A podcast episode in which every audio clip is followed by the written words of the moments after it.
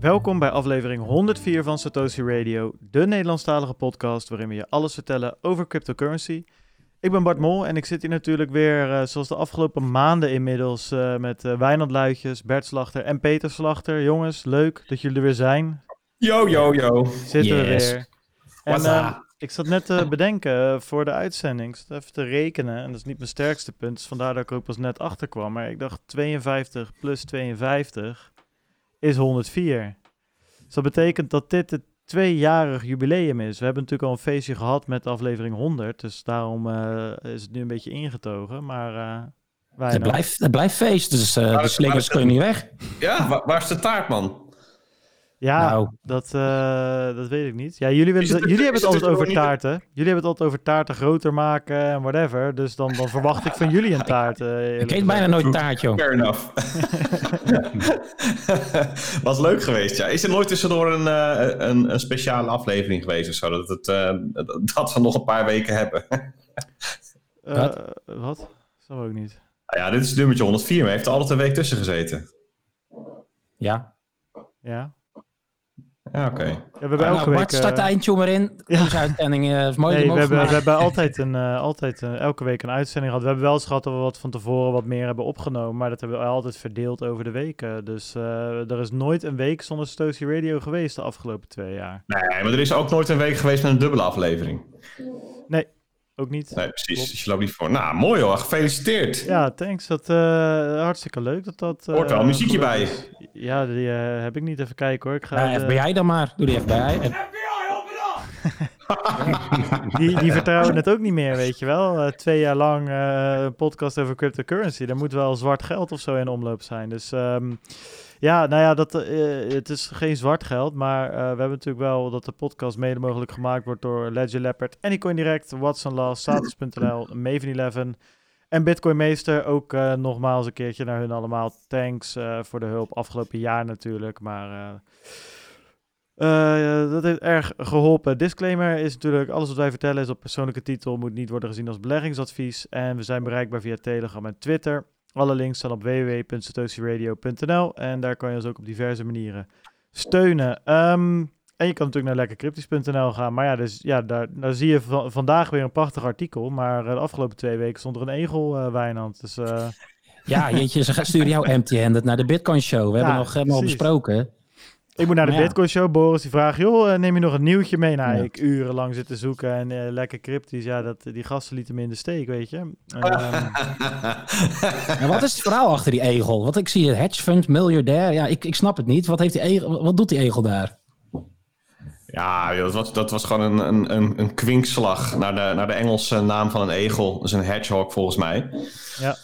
En het ging over. Uh, dat, artikel ging heel uitgebreid in op, op, het, um, op de functie van, van Bitcoin als hedge tegen, tegen de opkomende inflatie. Die werd verwacht door die, uh, door die bekende, die oude rot in het vak, een hedgefonds miljardair.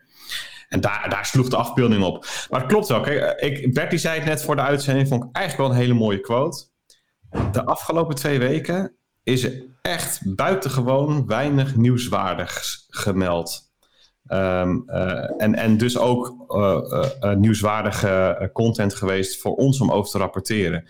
En Bert zei, um, het is dan vooral ruis. En, en dus um, kiezen wij ervoor om op dat moment gewoon even andere dingen te doen. Aan andere dingen te bouwen. werk dat, dat dan blijft liggen als er een periode is waarin wel veel signaal is. Om dat op te pakken. Uh, en dan is er dus even wat minder, uh, wordt er even wat minder gepubliceerd. En dan zal je naar de andere uh, plekken moeten gaan om te kijken, joh, ja, is dat allemaal zo? Je kunt ons natuurlijk controleren. Is het zo? Is het vooral ruis? Nou ja, en, en volgens mij kwam je zelf tot de conclusie dat het zo is. Dus wat dat betreft functioneert ons principe tot dusver wel goed. Wat, we, wat ik wel heb gedaan is, vorige week heb ik weer een nieuwe um, sessie opgenomen op, voor Café Weltschmerz. Daar hebben we denk ik een weekje of drie, vier geleden ook gedaan. Dat ging toen over de halving. En eigenlijk was dat een, een uh, videogesprek over heel laagdrempelig naar een heel groot publiek van wat is Bitcoin nou eigenlijk? Een soort inleiding op, op, geld en Bitcoin. En deze keer ging het over allerlei vragen die er kwamen. Van, dat hadden we ook toe opgeroepen. Stel eens wat leuke vragen. Hele leuke vragen tussen ook. Uh, een van de leukste vond ik um, die over quantum computing, of die bitcoin gaat slopen. Blijft een hele intrigerende wereld. En die, ik denk dat die uh, ook over de komende dagen online gaat komen. Maar dat is, dat is, dat, dat is dan niet primair gericht op de, de, de, de, de bitcoin-bubbel, zal ik maar zeggen. Waar wij nu um, een, een, een, toffe show voor maken. En, maar, maar eigenlijk voor een veel groter publiek. En um, uh, ja, dat zijn dan de dingen waar je dan de tijd voor kan nemen. Dus dat is, dat is dan ook wel weer cool. Ja, akkoord. Cool. Ik, ik hoor dat er uh, om mij heen ergens geboord wordt. Horen jullie een. Uh, ik dacht dat je koffie aan het zetten was. nee, nee. Hebben wij weer. Maar hebben jullie er last van of niet? Ja, maar ja, goed, sowieso. Weet je, als we daardoor jou niet horen, dan heeft het ook voordeel. Nee, zet, maar dan zet jezelf gerust op mute. Ja. Zet ik hem even op mute. Nee, op zich valt het mee hoor, Peter. Ik, uh, het, ik hoor het niet, uh, niet echt. Hey, wat natuurlijk wel, uh, nog even terugkomend hè, op die um, het tweede seizoen. Dat betekent dat er ook een derde seizoen gaat komen. Maar er gaan wat dingetjes, dingetjes veranderen. Want, tot mijn grote spijt, Wijnand, ga jij niet meer vast elke week um, aanhaken? Nee, nee, nee. Ja, dus we hebben er een lange tijd over gehad, denk ik. Vooral met z'n tweetjes. En ik merkte de laatste tijd gewoon hè, dat het meer een, voor mij een moeten is geworden dan echt dat ik er heel veel energie uit haal. En misschien mede ook door het vele thuis zit. Ik, er zijn misschien meerdere factoren, maar ik heb hier een mooie quote. Er is een tijd voor komen en een tijd van gaan. En de tijd van gaan is nu gekomen. En zo voelt het voor mij ook echt. We hebben twee, denk ik, rocking seasons gedraaid. Elke week gestampt. Vakantie, die shit mee. Naar Zurich, die shit mee door de douane. En, en weet je, dus uh, we hebben gedaan wat we konden. En uh, ik herken ook gewoon wat de heren zeggen. Van lekker kritisch natuurlijk. Van in de space gebeurt wel wat, maar het is ook soms wel micromanagement. Er gebeurt de, de, de, grote stappen die ik toch hoop dat er komen, die, die blijven een beetje uit de laatste tijd. En ik, uh, ja, nou, dus het is, het is denk ik een mooi moment voor mij om in ieder geval een, stapje terug te doen in de wekelijkse frequentie. Ik wil niet zeggen dat ik af en toe gewoon uh, wil aanhaken en ad hoc een keertje lekker meekletsen. En zeker betrokken blijven met alles wat er gebeurt. Alleen de, de persoonlijke noodzaak om daar wekelijks behoorlijk wat tijd toch nog in te stoppen, die, die, dat, dat, dat, voelt steeds zwaarder. En ja, uh, ja dus dan ben ik uh, in het gesprek met jou uh, toch uitgekomen. Dat laten we gewoon even kijken. In ieder geval stoppen voor mij actief. En uh, who knows, weet je wel. Ehm, maar ik ben zo super trots op wat we, wat we hebben bereikt, weet je wel. De, de leiding aan, of de lading aan gasten, de samenwerking met Bert en Peter. Wat ook gewoon uitgemond is tot een wekelijks frequentie waar je gewoon echt dingen van elkaar opsteekt. En ja, ik weet niet, dat vind ik toch lachen. En ehm, ja, en ook de, ook de community, weet je. Je ziet de grappigste dingen en die uitzending van de, met uh, livestream, weet je. Dat zijn toch wel dingen die, uh, waar ben ik trots op. Ja. Ik, en ik kan er ook nog om terug om lachen als ik jou zo zie zweten in de voorbereiding. Ja, weet ik niet, dat zijn toch dingen, weet je, dat blijft me dan wel, uh, blijft me dan wel bij. Ja. Dat is legendarisch. Ja. ja, dat is toch prachtig. En weet je, we zijn begonnen van nul. Hè? Dus we hebben geen netwerk achter ons, we hebben geen website achter ons. We zijn begonnen met een zonder intro muziekje. We zijn, weet je, het is allemaal opgebouwd. En ja, de luisteraantallen zijn steeds, die zijn goed en die groeien. En dan denk ik, ja, weet je, de, het bereik wordt meer. En het, het voelt ook als van, ja, ik kan het achterlaten als een uh, gezond iets. En jij bent nog super gemotiveerd en gedreven om door te gaan. En zeker met Bert de Peter erbij heb je gewoon een mooi trio om uh, wekelijks content te maken. En ja, ik hoop ook dat jullie ook weer gewoon gasten in de show weten te krijgen. Want dat is toch wat mij, mij persoonlijk trok. Elke week iets leren van iemand die ik eigenlijk tot aan een uur van tevoren niet kende. Bij wijze van. En ik, ja, dat, uh, dat hoop ik dat ook in een vorm toch wel weer terug kan komen. En dat zal ook afhangen van hoe dit doorgaat met corona en, en gewoon de markt in zijn geheel. Maar ja, ik, uh, ik ben toch ook wel. Ik vind het wel spannend wat, uh, wat jullie ermee gaan doen. Het is toch vreemd om het los te laten. Ja. Nou ja, kijk, ik denk ten eerste, weet je, voor, voor mij verleden, wat je zegt, ben ik, sluit ik me helemaal bij aan, weet je. Het is, um, ja, uh, we, hebben, we, hebben, we hadden niks, zeg maar, weet je. Of in ieder geval twee, twee IT-auditors. En met het netwerk wat we hadden, als het twintig man uh, is, dan is het veel, weet je wel. Zeker buiten, weet je, je hebt wat vrienden, je hebt wat familie. En er was geen community en er was geen Telegram-groep en er waren geen luisteraars. En, um, en op een gegeven moment deel je dat een beetje en mensen gingen het luisteren omdat ze het leuk vonden. En we hebben een, website erbij gemaakt en de Telegram-groep is erbij gekomen. En jij had die intro-tune bij een maat van je gefixt. En zo stukje bij beetje komt er wel bij elkaar. En, en nu heb je gewoon, uh, ja, weet je, uh, duizend, du ja, duizenden kan je al zeggen vanaf 2000. Dus dat klinkt heel tof. Maar twee of duizenden luisteraars per maand, weet je wel. Dat is gewoon best wel sick dat dat in twee jaar is gelukt. Dus eh, ja, dat, daar, daar, daar, eh, daar, daar ben ik jou ook dankbaar voor dat je daar elke week bij aangehaakt ehm, ben. En ja, wat, wat ik zeg, kijk, weet je, we hebben vier microfoons, daar hebben we in geïnvesteerd. Dus eh, je bent altijd welkom om aan te haken natuurlijk. En ik snap wat je zegt ook ergens ook natuurlijk. Het is, ehm, nou, het is best wel wat om dat elke week, elke week te doen. En eh, je doet het omdat je het leuk vindt. En ehm, nou ja, weet je, als dat op een gegeven moment elke week te veel is, dan moet je gewoon kijken van, joh, kunnen we het op een andere manier doen? En nou, wat je zelf ook al zegt, is Bert en Peter gaan aanhaken aankomend jaar. Vast. Dus eigenlijk we gaan gewoon door zoals we nu erbij zitten.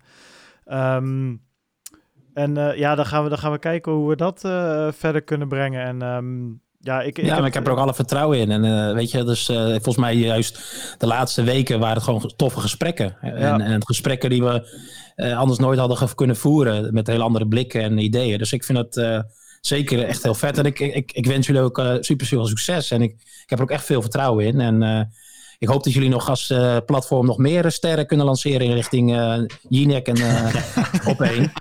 Ja, kijk, dat is misschien ook een beetje het ding. Hè. Kijk, dat, dat heeft Wijnand ook vanaf het begin gezegd toen we de eerste keer bij elkaar zaten. Hij zegt, Bart, weet je...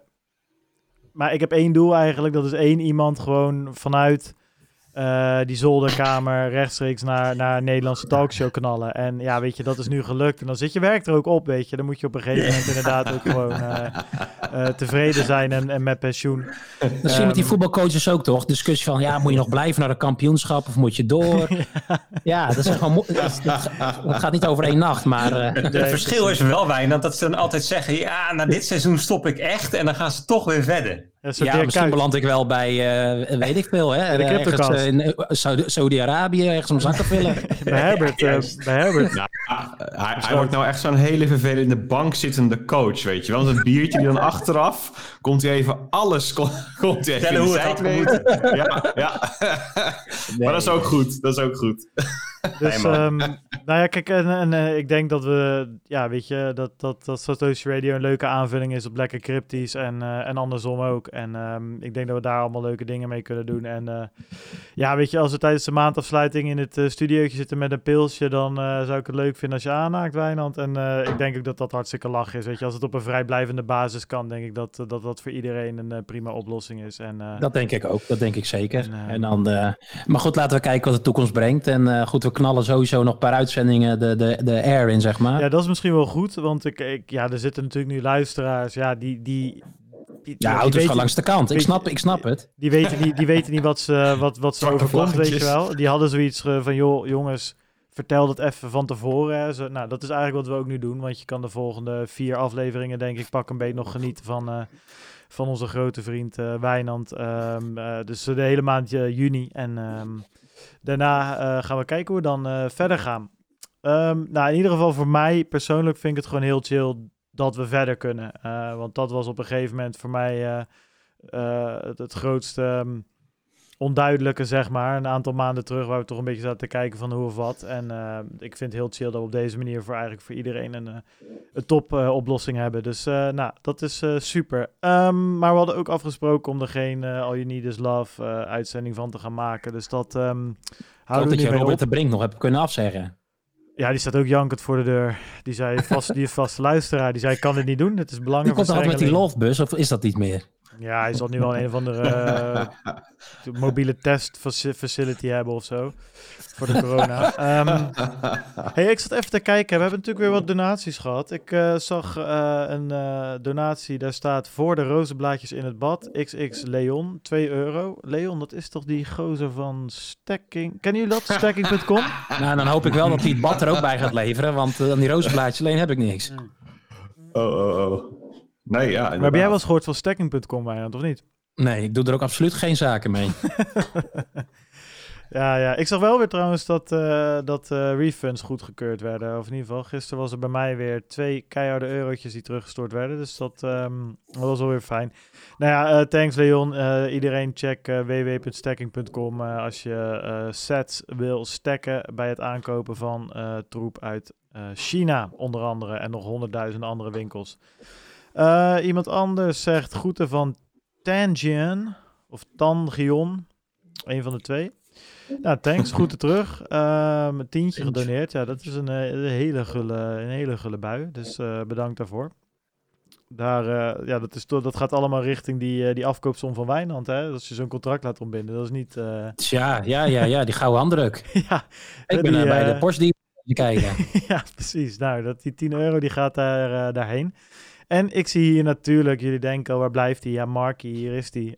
Um, thanks weer, mooie aflevering. Vorige keer liep de donatie als een trein. Het gaat de goede kant op. Goed, Mark. Ja, dan, dan weet je het. Als Mark zegt dat de donaties goed gaan, dan gaat het ook gewoon goed. Mark, spreek jou volgende week weer. Um, ja, maar we zeiden het net al een beetje hè, qua nieuws. Het mooie is dat we nu met dit uh, sentimentele verhaal al 16 minuten vol hebben. Dus dat scheelt weer uh, een beetje. Maar er is heel weinig om over te praten.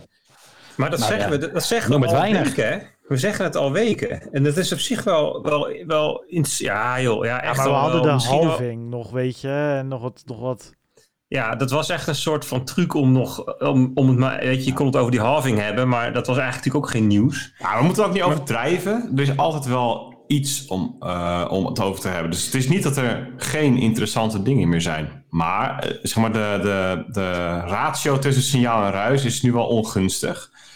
Uh, zeker als je, als je nu als, als, als medium of iets dergelijks, waar je gewend bent om het een na het andere grote nieuws te kunnen brengen, dat je, ja, zit je toch, zit je toch wel, denk ik, verlegen om, uh, om, om echt en wat meer kwalitatief nieuws. Ja.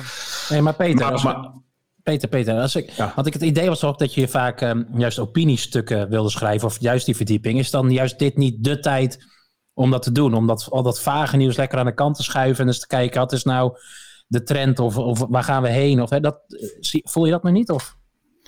Ja, ook wel. Nou, wij hebben uh, op zich hebben wij wel uh, geluk gehad, tussen aanhalingstekens, met deze periode, gewoon qua, qua voorziening. Omdat we niet heel veel um, van het signaal niet hebben kunnen blootleggen, omdat er relatief weinig signaal is geweest. En in die tijd hebben we wel heel veel dingen kunnen opbouwen. Maar dat is zo allemaal achter de, uh, achter de schermen gebeurd, met uitzondering van wat media-optredens. Maar er zit natuurlijk heel veel werk omheen. Ja. Um, dus ze hebben heel veel dwarsverbanden kunnen, kunnen slaan. Er zijn heel veel deuren op een kier gezet. Er zijn allerlei nieuwe initiatieven. Waar, uh, trouwens die, die, uh, dat, dat, dat versterken van de band tussen ons ook bij hoort. Um, en allerlei plannen rondom de kennisbank. Eigenlijk willen we um, dat de kennisbank het centrum wordt van de website. En niet uh, zeg maar de nieuwsberichten, de stream van nieuws vinden we eigenlijk minder belangrijk dan, uh, uh, dan de kennisbank. En wij, wij, verwerken al heel veel kennisbankachtig materiaal in nieuwsberichten. Want ons motto is altijd als we schrijven, we willen dat mensen weer ietsje slimmer weggaan dan dat ze bij ons uh, terechtkwamen. Maar er is een lang verhaal kort. We hebben in deze periode echt wel heel veel kunnen, kunnen bouwen aan de achterkant. Dat is niet zo zichtbaar. Maar ja, het is, het is wel prettig dat we ja, in, die, in die bear market van nieuws hebben kunnen beelden. Ja. Ja, wat, dus dat is oké. dus dat is hoe even vanuit het perspectief van lekker cryptisch. Maar wat ik eigenlijk bedoelde, even afstand nemend, van een afstandje kijkend, dat het ook blijkbaar in, gewoon in de markt nu zo is. Ze zeggen wel eens van de bear market is op zijn diepst als iedereen denkt dat er helemaal niks meer gebeurt. Nou ja, denk je even terug aan december 2017, daar, dat waar het dieptepunt lag van de bear market. Nee, zeg ik fout, 2018 december 2017 was natuurlijk de piek. Um, maar toen gebeurde er veel meer. Zeker het jaar daarna, dus 2019, vorig jaar. Dan kregen we Plan B. Die kwam ineens uit het niets met zijn model. Daar hebben we het heel veel over gehad met z'n allen. Veel analyse op gedaan. Elke keer weer iteraties op. Er waren heel veel gesprekken over al die verbeteringen aan, uh, aan, aan Bitcoin als protocol. Dus Schnorr signatures en Taproot. En wat gaat ons dat allemaal brengen? Dus heel veel ook fundamentele dingen, ook rondom het Lightning. Dat was echt ook in die periode dat dat een beetje tractie kreeg. En dat er nieuwe diensten omheen gebouwd werden. Dus je, Richting de halving ging het heel veel over miners. kwamen veel rapporten uit. Dus je hebt ook een beetje die post-halving dip, denk ik, die er is. Nou, misschien wel, ja. Dus uh, ik, ik vind, vind het gewoon even interessant om dat zo te zien. Want het, ja, je, je, hebt natuurlijk nog geen nieuwe... Um, er is nog geen nieuwe aandacht voor, voor bitcoin vanuit uh, retail-investeerders. Ik bedoel, in de kroeg gaat het nog niet echt en over. Weet je wat het ook misschien is, Bert? Dat de kroeg al drie maanden dicht is. En, ehm, ja, ja. In de kroeg heeft Nee, nee, maar dat, ja, dat, dit- over, ja. nu, nu past dat grapje natuurlijk eh, perfect dat jij over kroegen begint. Maar het is natuurlijk wel een beetje zo. En nu, weet je, in elke Ja. stad in Amerika eh, staat het gemeentehuis in, in, in de fik. In sommige letterlijk, in andere figuurlijk. En eh, het, het, er gebeurt zoveel in, in, in de wereld, zeg maar. Zoveel extreme eh, shit, zonder daar voor de rest een mening over te, over te vellen. Maar gewoon eh, te constateren dat het gebeurt. Ja, dat dan, ja, weet je, eh BIP nummer zoveel, waarin een een of andere efficiëntieaanpassing wordt gedaan, dan gewoon ook eventjes wat minder interessant is, weet je. En dat is natuurlijk ook hè, wat, wat, wat jullie net ook een beetje zeggen van, weet je, jullie hebben je tijd de afgelopen tijd wel, wel eh, redelijk efficiënt eh, besteed. Alleen dat was niet per se 100% op bitcoin en crypto gericht. Eh, je kan wel parallellen trekken. Maar je hebt maar 24 uur in een dag. Hè? Dus ik, mijn punt is een beetje dat er gebeurt zoveel dat je ook soms wat minder tijd hebt om, om alleen maar naar Bitcoin en crypto te kijken. Zeker als daar op dat moment eventjes gewoon ook nog eens niet zoveel gebeurt, weet je. Mhm. Dat was deze week voor mij heel duidelijk. Met die halving en zo ging dat eigenlijk allemaal nog wel. Wa- Was het nog wel interessant en was corona inmiddels ook alweer een maandje of twee in het land, weet je. Dat, dat, dat, dat viel allemaal nog wel. Ja, en nu weet je met al die dingen die er, die er eh, achter elkaar gebeuren en dan zo'n week, ja, dan... Weet je, ik was bij de Bitcoin Show gisteren, daar hebben we het daar ook een uur over gehad. Terwijl we ook drie nieuwtjes hadden en we dachten van hoe gaan we dit volpraten. En ehm, ja, weet je, dus dat, dat, dat is misschien ook nog wel een verklaring voor, ehm, voor waarom het zo leeg voelt, om het, om het zo maar te zeggen. Of zo insignificant of zo, zo onbelangrijk. Ja. ja, het zal ongetwijfeld ook wel een bijwerking zijn van, eh, van de coronacrisis hoor. Er wordt, er wordt heel veel. Het kan, het, het, het kan heel goed zijn dat er ook bepaalde signalen niet meer worden uitgezonden. Om even in dat metafoor te blijven hangen. In die analogie. Of simpelweg overstemd raken. Je ziet ook dat, er, eh, dat dingen pas weer aandacht krijgen als ze echt extreem zijn. En neem afgelopen week en met wat er gebeurd is in, in de VS. Dan hebben we, nu hebben we nu ineens, en ik denk eh, terecht dat daar heel veel aandacht naar uitgaat. En dat overstemt de coronacrisis. Nou, hoe lang dat blijft, dat is natuurlijk de vraag. Maar er zijn weinig andere dingen de afgelopen maanden die, eh, die echt aandacht hebben gekregen. Als je, als je de, neem een vraag als, joh, wat, wat, is, wat, is, wat gebeurt op de beurzen? Zien we daar spectaculaire dingen? Ja, Nou ja, behoorlijke recoveries toch? ja. Ja, dat is Zeker. op, op zijn minst opvallend, toch? Alleen om, om nou te zeggen dat het breed uitgemeten wordt of dat dat aandacht krijgt. Ja, ja. Het is allemaal ja. een beetje in afwachting. Hè? Dat, ik heb er heel veel is- dingen zoiets van, we moeten het even zien. Ik bedoel, wij hebben natuurlijk in vorig jaar zomer uitgebreid over die komende recessie geschreven. Ja. En toen in januari, toen, ging het, toen zag je het voor je ogen voltrekken, zich voltrekken met de vragenuitval of de productie die geblokkeerd werd naar China. Toen kreeg je in maart kreeg je die onwijze crash van alle assets all over the place, die liquidity crisis. En nu is het even de vraag, hoe gaat het hele corona-verhaal de economie raken? En we weten het eigenlijk niet. En zo- geldt voor heel veel dossiers dat we nu eigenlijk even moeten afwachten hoe het zich ontvouwt. Dat is mijn gevoel vooral. We zitten gewoon eigenlijk met z'n allen, ja, nu moeten we het eventjes zien gebeuren. Nou, hupt En we van, ramp, van ramp naar ramp eigenlijk. Hè?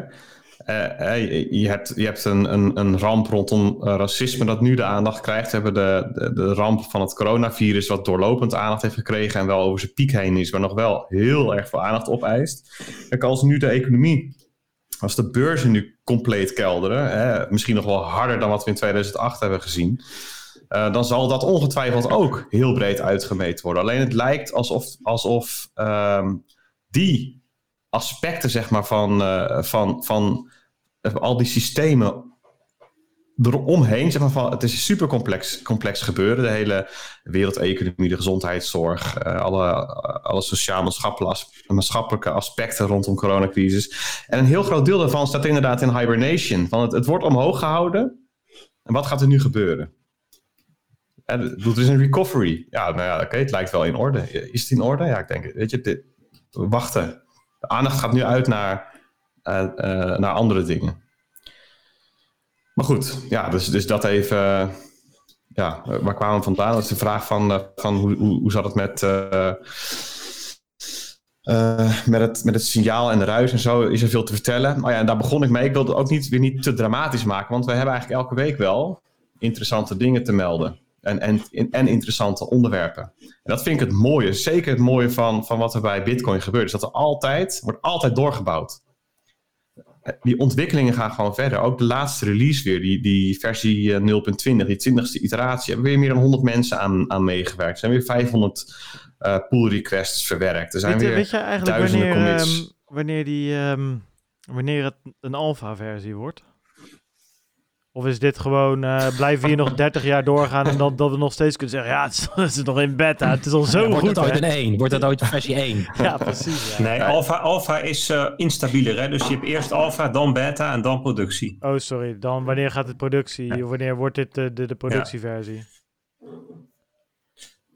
Ja, ik, ik meen ehm, in podcasts wel eens gehoord te hebben dat wat core developers daarover zeiden van we willen daar nog geen 1.0 van maken, omdat we nog niet dat, dat, dat we nog niet willen dat mensen daar dat er die er onbesuist in gaan.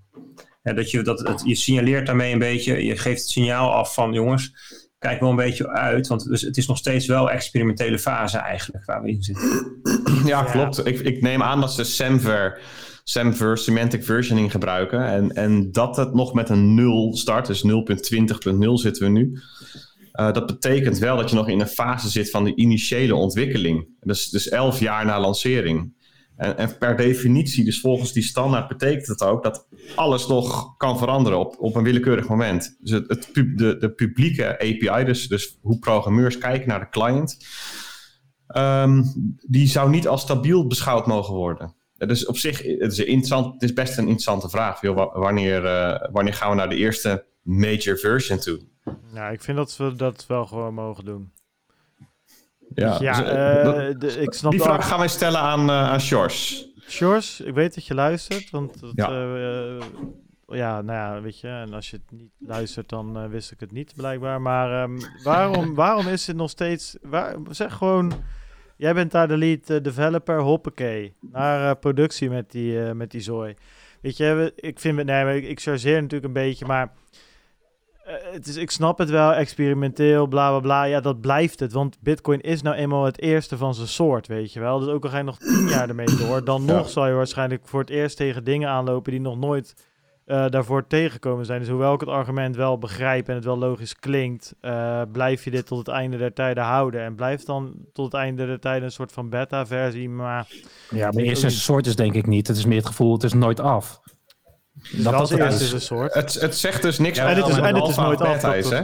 De eerste streamingdienst, ik weet ik veel welke dat is geweest. Of Kaza is ook wel, uh, al dat soort gekke shit is ook gewoon volledige versies geweest. Dus meer, ik krijg het gevoel van dat ze willen laten zien.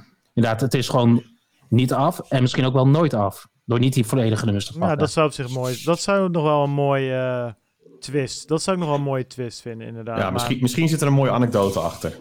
We gaan het horen. Precies. George. Hey, maar hoe zit het met die bit? Wat is er nu uh, geüpdate? Hè? Want ik zie verschillende dingen. De core en het netwerk. Hoe zit dat dan? Jij hebt er toch iets over geschreven, Peet? Um, ja, ik heb er uh, vandaag een artikel over geschreven. Ja, dat, maar dat ging over één, één stukje van de, van de nieuwe release. Misschien is het wel aardig om even naar de, naar de release als geheel te kijken eerst. Ja. Heeft iemand uh, een, een, een, lijstje van de belangrijkste wijzigingen bij Ja, dat heb ik. Um, maar daar werd ik niet direct... Um, ja, het was niet heel super spannend of zo, weet je wel. Maar dat hoeft ook niet. Dat hoeft ook niet. Alleen dat maakt natuurlijk wel wat minder. Kijk, als we het over die... We hebben het hier over uh, Merkle Roots gehad en Snore Signatures. En gisteren in de Bitcoin Show hadden we het over een, een, of andere coin swap methode om, om weer anoniemer uh, uh, transacties te kunnen doen waarvan je niet eens meer kan zien dat ze geswapt zijn. Hè? dus dat was best wel vette implicaties, kan je, daar, kan je daarbij bedenken. Ja, die, dat zit hier niet in. Of in ieder geval niet, niet, niet, uh, niet, niet zo expliciet. Uh, het, was vooral uh, ja, code opschonen, code beter schrijven, dat soort dingen. Dat allemaal wat stabieler en beter is. Betere hardware wallet integratie met Bitcoin Core. Volgens mij vooral dat dat moest vanuit de... Um, hoe heet het ook alweer? Als je, um, uh, als je geen grafische interface hebt, die, die shit waar, waar je in tikt. Vanaf de command line bedoel Ja, precies. Dat de moest RPC. Van, ja, dat moest vanuit de command line en dat kan nu vanuit, met, volgens mij met een klein omweggetje uh, via de grafische interface. Dus dat was dan, uh, dan beter. En het netwerk zou stabieler moeten, of reliability, dus het is niet stabieler, maar meer, um, ja, wat is reliability in het Nederlands? Betrouwbaarheid. Betrouwbaar, ja, precies. Dus het netwerk zou betrouwbaarder moeten zijn. En volgens mij valt daar ook het stukje onder waar jij eh, dieper in bent gegaan. Maar dit waren een beetje de drie hoofdpunten. Eh, dus het was niet... Ja, Ja. precies. niet Maar moet je deze nou installeren om, of, word je niet, of word je dan buitengesloten van het netwerk? Of eh, is het meer, eh, het- je kunt ook een oudere versie draaien. Er zit niet een critical fix in of weet ik veel wat. Nee, dat klopt. Je, je, je hoeft niet eh, te upgraden. Je, je kunt ook een oudere versie gebruiken. Maar in, in principe, eh, eh, over, de, over de hele linie heen, er staat ook in de release notes: old wallet versions of Bitcoin Core are generally supported. Ik, ik kan je daar de details niet van geven, maar het is niet zo dat upgraden verplicht is. Oké. Ik zal eens kijken binnenkort wat, eh, wat er met mijn nood gaat gebeuren. Wordt dat gepusht, denk je dan? Nou ja, weet je, eh, ik heb nu ook een, een, een versie van Bitcoin Core gewoon g- draaien, volgens mij. Eh, voor zover ik weet. Ik zal eens kijken, ik weet het, dat moet wel volgens mij. Dus ik zal eens kijken. Ik bedoel, de rest wordt ook allemaal, als ik in die release notes van MyNote kijk, worden daar constant alle, alle, alle troep die erop draait, wordt geüpdate. Dus dat, zij verwachten dat het hier ook bij gebeurt. Maar goed, Ja. ik moet zeggen dat dit voor mij ook een beetje... ehm, dat ik hier mijn eerste kinderstapjes in gezet heb de afgelopen maanden. En dat eh, dat, dat soms nog een beetje eh, zoeken is. Maar goed, Peter, wat had jij geschreven over de ehm Ja, E- ja Erebus? daar zal ik even op ingaan. Ik, Dat ik denk klinkt één als een- dingetje die je nog als een- gemist, als een- als had. Als een Oh, Harry sorry. Potter... ehm, ja, dat is een stomme grap. Harry Potter eh, bezem, weet je wel? Waar ze die eh, zwerkbal op spelen. Wat is ermee? Ja, het Erebus, zo klinkt dat. Maar goed, het is Oh. waarschijnlijk wat anders. Ja, ik ben ja, deze- ja, ja, ja, ja, ja, ja. Erebus? hey, Rebus. ik, ik denk dat het Erebus is. Maar ehm, een van de eh, dingen die ik nog zag in ja. die, eh, in die, cha- in die changelog... ehm, was dat Bitcoin Core niet meer afhankelijk is, afhankelijk is van OpenSSL. Ik denk dat dat nog wel echt een grote eh, mijlpaal is voor Bitcoin. Zeg maar vanuit technologisch perspectief. En waarom dan? Nou ja, omdat je met OpenSSL, dat is een, eh, een, een, ja, een cryptografische library die je codebase intrekt. Het gaat om een enorme bak met code, ehm, die je niet zelf beheert, waar je van aanneemt dat het veilig is. Maar dat, zijn dus gewoon, is een risico dat je daarmee neemt. En dat risico is, nu, is nu eh, weg in één klap. Nou, dat is wel een, eh, een grote stap. En in het verleden is, eh, is er ook wel ehm, eh, eh, een keer een kritieke bug te- geweest als gevolg van het gebruik van OpenSSL. Dus nou, weet je, dat, dat risico is nu weg. Maar is het vervangen door iets dan? Want iets weghalen wat OpenSSL Nee. is.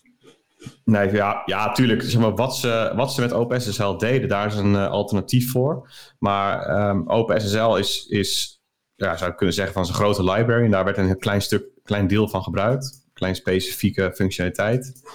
En ehm, dat doet Bitcoin nu dus zelf. Ja. Ehm, ja, en waar ik over had geschreven was eh Erebus. Ehm, ja, dan moet ik eigenlijk even want, want jij introduceerde het anders. Jij zei van er, zijn wijzigingen toegepast aan eh, eh, in Bitcoin Core die, die, die een bijdrage leveren aan de betrouwbaarheid van het netwerk. Hè? Ja, en ik vond het wat ik vreemd vond, hè, wat ik eh, even niet helemaal snapte. Toen ik in de changelog keek van die, eh, van, of de, de, de release notes eigenlijk. En heb ik even gecontroleerd F op eh, de Erebus. En die vond ik dan weer niet terug. Dus ik weet niet waar jij die Nee. vandaan gevogeld hebt. nou ja, als je de, wel? Of, of heb je gewoon een soort van Loris, Ja, eh. Lorem Ipsum eh, generator gebouwd daarbij? Nee hoor, het is, het is, ik denk dat het Latijn is. Ja, ik weet niet precies. Het is de naam van een vlinder. Daarom is het plaatje bij het artikel ook een vlinder. Het is een nachtvlinder met, met grote uilenogen erop. Ik denk dat ze hem daarom eh, die afbeelding ge- gebruikt hebben. En dat is weer een verwijzing naar wat, waar, waar die aanval voor staat. Het gaat namelijk in feite over een man- man-in-the-middle attack. Ja. Ehm, eh, ja. En dat heb ik niet verzonnen. Ehm, er is in 2019 een paper geschreven door onderzoekers van de Nationale Universiteit van Singapore. Ehm, en zij beschrijven een complexe manier om ehm, een aanval uit te voeren op het Bitcoin-netwerk. En dat varieert van het isoleren van één node tot een, een heel cluster van nodes. En dat zet de deur open voor best wel ehm, impactvolle eh, gebeurtenissen. Denk aan een 51% a- eh, aanval. um, double uh, het misbruiken van de rekenkracht van andere miners enzovoort. Dus het gaat, gaat best wel ver. Nou, ik denk dat het goed is om dat even van begin tot eind toe te lichten, want dat is best wel complex. Ik vond het in ieder geval een complex, nou, complex, een gecompliceerde paper. Het is heel technisch allemaal. Um, maar laten we gewoon even doorheen lopen. Eens? Ja, ga je gang. Uh, ik, uh, I'm all ears, uh, you know. Yes, yes. Oké, nou, eerst even um, voor de goede orde. Misschien dat het onduidelijk is voor sommige luisteraars. Dus wij spreken vaak over Bitcoin. En onder die noemer vallen eigenlijk twee dingen. Dus je hebt Bitcoin, het netwerk. Um, het netwerk dat, dat gewoon autonoom draait. En daar zijn computers mee verbonden. En die computers hebben software nodig om te verbinden met dat netwerk. Um, en dat noem je een Bitcoin client. En in het begin vielen die beide dingen vielen onder de term Bitcoin. In 2014 is dat gesplitst omdat het onduidelijk was. Bitcoin was de naam van het netwerk en Bitcoin Core is de naam van de client die aanvankelijk door Satoshi geschreven is. De client om dus mee te verbinden waarmee je een full node draait. Dus een node is een computer die is verbonden met het Bitcoin-netwerk. Hij, hij, wordt ook wel eens de Satoshi-client genoemd, omdat Satoshi degene is, omdat dit voortborduurt op wat Satoshi geschreven heeft. En het Bitcoin-netwerk is één ding. En je hoeft niet per se de Bitcoin Core client te gebruiken om met het Bitcoin-netwerk te verbinden. Je, je, zou best je eigen client kunnen schrijven. Je kopieer je bijvoorbeeld Bitcoin Core. Uh, daar maak je Wijnands Bitcoin client uh, van. En dan ben jij gebruiker van, de enige gebruiker van Wijnands Bitcoin client. Nou, en, en dan is dat hetgeen waarmee je verbindt. En dan kan je zelfs nog dingen gaan proberen die eigenlijk niet mogen. Maar dan zal je zien dat alle andere deelnemers van het netwerk zeggen van... hé, hey, de, transactie die je wil uitvoeren, die weigeren we. Want die voldoet niet aan het protocol. Nou, weet je, dus we hebben Bitcoin Core, de client, en we hebben Bitcoin, het netwerk. Um, waar we het nu dus net over hebben gehad, die versie 0.20.0 gaat over Bitcoin Core. Dat is dus de, de, de client software om te verbinden met het netwerk. Um, en um, ja, in die context is inderdaad iets verbeterd aan de betrouwbaarheid, aan de manier waarop de, al die computers die nodes met elkaar verbinden. Nou, laten we eerst even daarop ingaan, voordat we verder gaan op hoe die aanval werkt. Um, dus dat Bitcoin-netwerk, is een decentraal netwerk, dus, dus je kunt je computer ermee verbinden. Vanaf dat moment noem je je computer een node, dus gewoon een, knooppunt in het netwerk. Um, en jouw computer die kan dan, afhankelijk van de software die je gebruikt, maar Bitcoin Core, die staat dan toe dat je met 125 andere computers mag verbinden. Dat zijn dan collega-nodes. Dus, eh, en, en dat noem je dan peers. Dan komt het, dan, dat, dat, hoort dan, dat komt uit de context van een peer-to-peer netwerk. Um, dat ken je misschien wel van de tijd dat je BitTorrent gebruikte of, uh, of andere, andere dingen die eigenlijk niet mochten. En um, wat is het idee? Jouw computer, die Node, die heeft nu vriendjes gemaakt, die heeft peers. En met die peers gaat hij uh, praten, gaat hij zelf doen en gaat berichten uitwisselen. Bijvoorbeeld, hey, ik ben online. Of hey, ik wil een nieuwe transactie versturen. Of hey, ben jij nog online? Nou, weet je, er zijn allerlei soorten berichten. Die zijn allemaal uitgeprogrammeerd. Dus het is niet zo dat hij zelfs de taal verzint. Dat is een protocol zijn afspraken over gemaakt. Um, en um, het is belangrijk dat iedere computer met een willekeurige, met, met, met een willekeurige set andere computers verbindt. En niet elke keer met dezelfde. Of uh, bij computers, met computers dicht bij jou in de buurt. Uh, of met één computer. Of dat iedereen met acht dezelfde computers verbindt. Nee, het moet willekeurig zijn. Het moet zo verspreid mogelijk zijn. Dat is het decentrale aspect van het netwerk. Dat, dat heeft namelijk, is essentieel daarvoor. Want als, als dat zo is, dus als die verdeling uh, random is, als dat goed gedistribueerd is, geografisch ook, dan kan er dus de facto niemand de baas zijn. Want er is niemand die die communicatie controleert. Niemand kan beslissen wat voor berichten het netwerk overgaan. Niemand kan beïnvloeden of, of zo'n bericht wel of niet goed is.